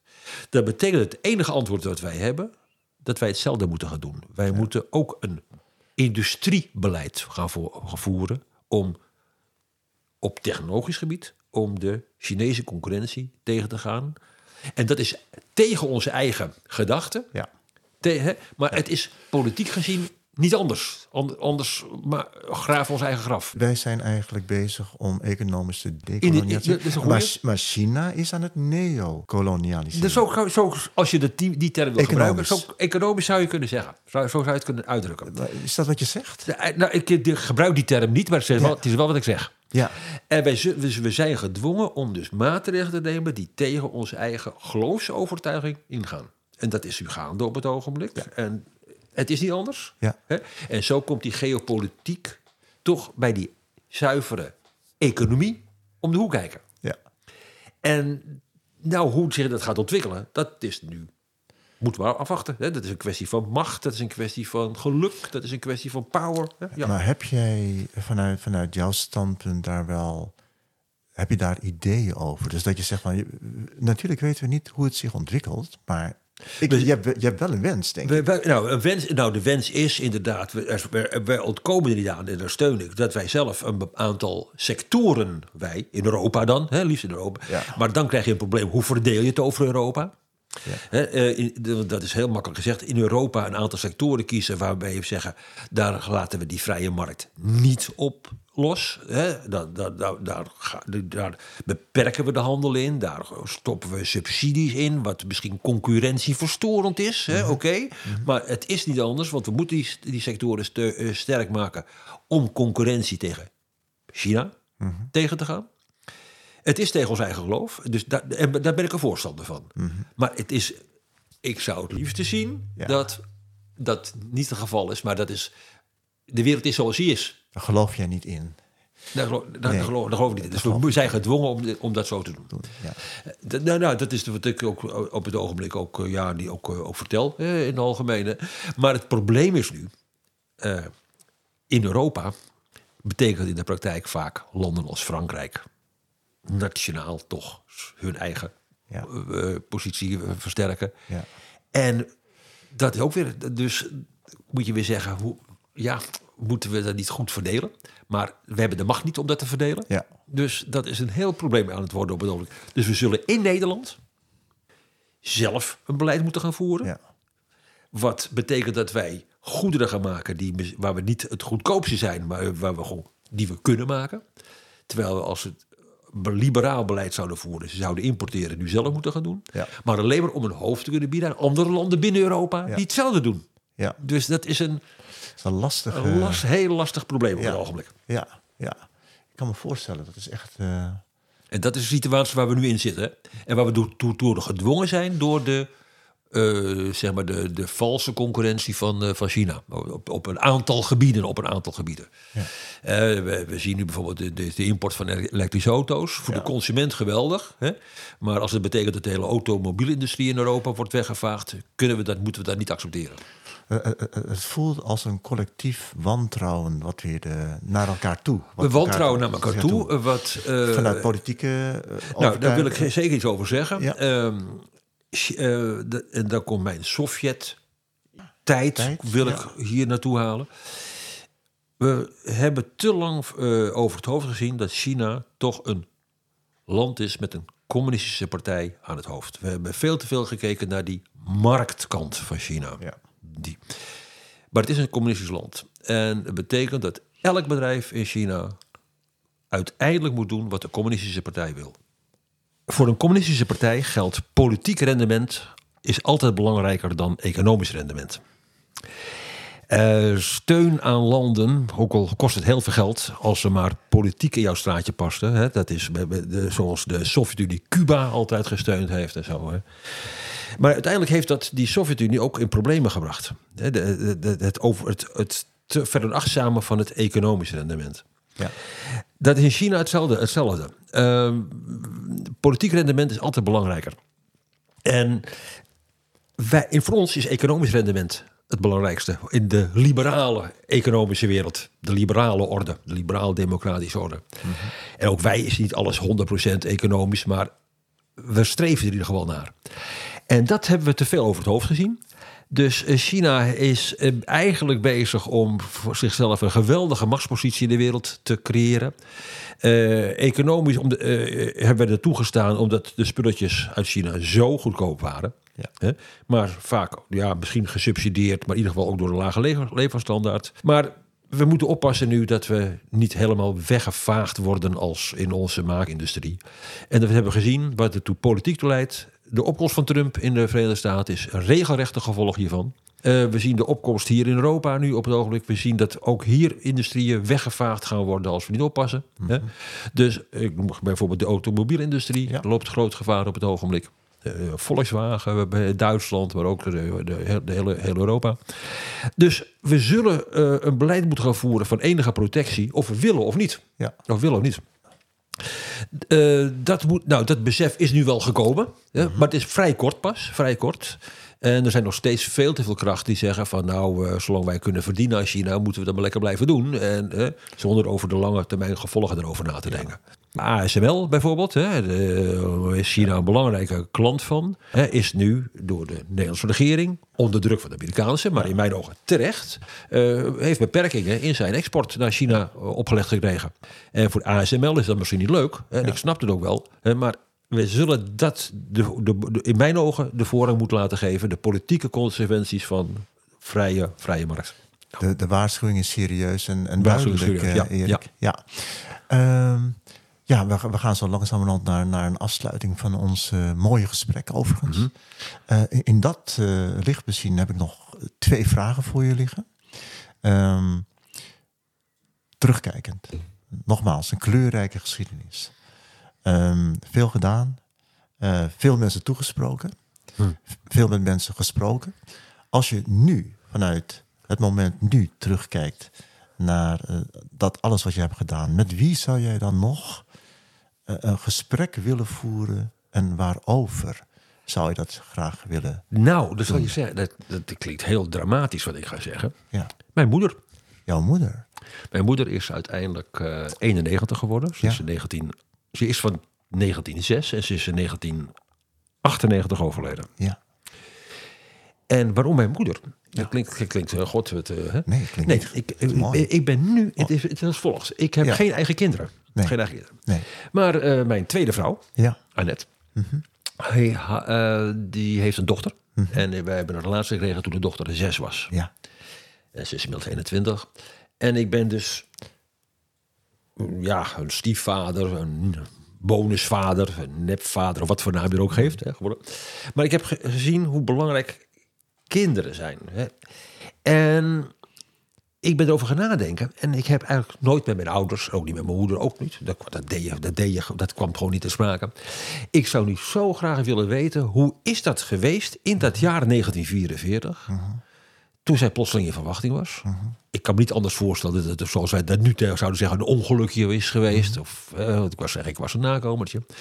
In die, dat, dat verschrikkelijke jaar 44 uh, hoe dat geweest is. En hoe ze die, bij die winter van 44 op 45, hoe we daar doorheen gekomen zijn. He? Mijn vader werkte bij het Rijkskolenbureau. Dat, die, dat voor zorgde de distributie van brandstof onder de Nederlandse bevolking. -hmm. Maar ja, ook dat was. Uh, dat, dat kon je met, dat, met kolen kon je ook niet iemand in, in, leven houden. Dus hoe dat gegaan is, is mij altijd eigenlijk achteraf pas onduidelijk geworden. Ja. Ik, vroeger dacht je daar niet over na. En ik zou zo dolgraag eens willen weten... hoe hebben jullie dat jaar en die oorlog doorgemaakt? En het wordt ook benadrukt op het ogenblik. De economische faculteit is in de voormalige Jodenbuurt, zoals dat heet. Hè? Ja. De Amsterdamse, de plantage. Plantage, ja. Hè, waar uh, de hele buurt één groot monument voor de oorlog eigenlijk is. Het Verzetsmuseum, de Hollandse Schouwburg, mm -hmm. de stolpersteentjes op straat. Mm -hmm. Nu gaat binnenkort het Holocaustmuseum open. We hebben het Holocaust Monument, ja. uh, het Wertheimpark, nou, noem maar op allemaal. Hè. Dus die oorlog leeft daar. We leven in een tijd, geopolitiek gezien, dat oorlog weer enorm bespreekbaar is sinds de inval van Rusland in Oekraïne ja. en de situatie ook in Palestina. Um, hoe is dat ervaren door haar? Dat, he, dat ze daar, ik ben geboren in huis, niet in een ziekenhuis. Nee, in huis gewoon, dat deed je gewoon vroeger. Ja. En dat zou ik graag eigenlijk willen, dat zou ik nu willen weten. Uh, hoe, hoe dat geweest is. Uh, dat, dat, in mijn persoonlijke leven speelt dat nu een rol. Ja, dat kan niet, ja. hè, dat kan niet meer. Nee, hè, dat kan nee. niet meer. Mijn broer en zus zijn ook overleden, kan ik het ook niet aan vragen. Mijn, mijn vader is al ruim 30 jaar geleden overleden. Nee. Dus dat zijn dingen hè, die ik eigenlijk wel zou willen weten. En wat werk betreft heb ik, zeg ik, ik heb zoveel invloeden uh, van mensen niet van speciaal. Ik noemde Michael Elman. Ik noemde dat heel, heel grappig. Maar Richard ja, maar dat ja, is ja. maar een, maar een ding. Uh, uh, door, uh, ik ben een, een puur zanglezer. Ik lees alles wat los en vast zit. dus je krijgt genoeg in, input en input van allerlei verschillende ideeën. Dus daar heb ik verder geen speciaal iemand, geen persoon voor wat ik daar nog zou willen weten. Ik vind, het, ik vind het prachtig ja. dat dat even vooropgesteld. Het is echt uh, heel mooi dat je dat op deze manier ook verwoordt. Mm. Zo komt hij op. Hij komt ook echt bij mij binnen, moet ik zeggen. Oké, okay, oké. Okay. Dus uh, dank je wel. Wat ik overgehouden heb is, uh, de, uh, het leven en de wereld is fantastisch. In de zin, fantastisch in de zin, er gebeurt zo verschrikkelijk veel. Ja. De komkomst van AI, de komkomst van hè, artificial ja. intelligence, kunstmatige intelligentie. Wat gaat het betekenen? De hele wereld, hoe, hoe, die ontwikkelt, hoe zich ontwikkelt. Wat betekent dat voor Europa? Wat betekent dat voor Nederland? Dus ik wil er zo lang mogelijk een rol in blijven spelen. En dat betekent dat ik zo lang mogelijk probeer ook werkzaam te zijn. Ja. Op een of andere wijze. Ja. Nou, daar ben ik, probeer ik, daar ben ik mee bezig. Ja. 80 jaar, uh, zeg maar, up and running. Het is nog niet voorbij, nog lang niet. Uh, laten we daar oh, laten, we hopen. Laten, we, laten ons dat hopen. Ja. En, en, en, en, jouw advies naar al deze mensen die, die ook naar deze podcast luisteren is? Nou, wees zo lang mogelijk actief in je leven. Ja. Kan ik alleen maar zeggen, ik, ik, ik, ik spreek steeds meer mensen die zeggen van god, uh, wat jij doet, dat zou ik ook willen doen. Maar ja. ik heb het opgegeven nou, toen ik met, met pensioen ging. Hè, dat, dat, dat. Maar heel veel mensen willen eigenlijk, merk je toch, zijn na hun formele pensionering best nog fysiek, uh, mentaal in staat om nog, een, om nog best wat bij te dragen. En worden eigenlijk gedwongen door pensionering dat neer te leggen. En ik kan alleen maar zeggen, onbetaald of betaald, maar wees actief, wees, ga in verenigingen. Er is zoveel te doen, zoveel werk en zoveel tekort aan allerlei vrijwilligers in clubs, in organisaties. Je ontmoet om mensen, er komen dingen op je pad, komen ideeën op je pad, komen dus grijp elke kans aan om in beweging en actief te blijven. Dat is het enige wat ik kan zeggen. Erik, een prachtige afsluiting van, van onze podcast. Nou, dankjewel. Patrick, ik wil je hartelijk bedanken voor dit uh, hele mooie gesprek. En jou nog zeg maar, het laatste woord geven. Nou ja, ik dank jou natuurlijk voor de uitnodiging hiervoor. Hè? En ik heb ja, nu net gezegd eigenlijk wat ik eigenlijk als belangrijkste gedachte nog heb. Of zover je dat kan zeggen. Wees actief, wees actief. En dat is het. Nogmaals, hartelijk dank. Graag gedaan.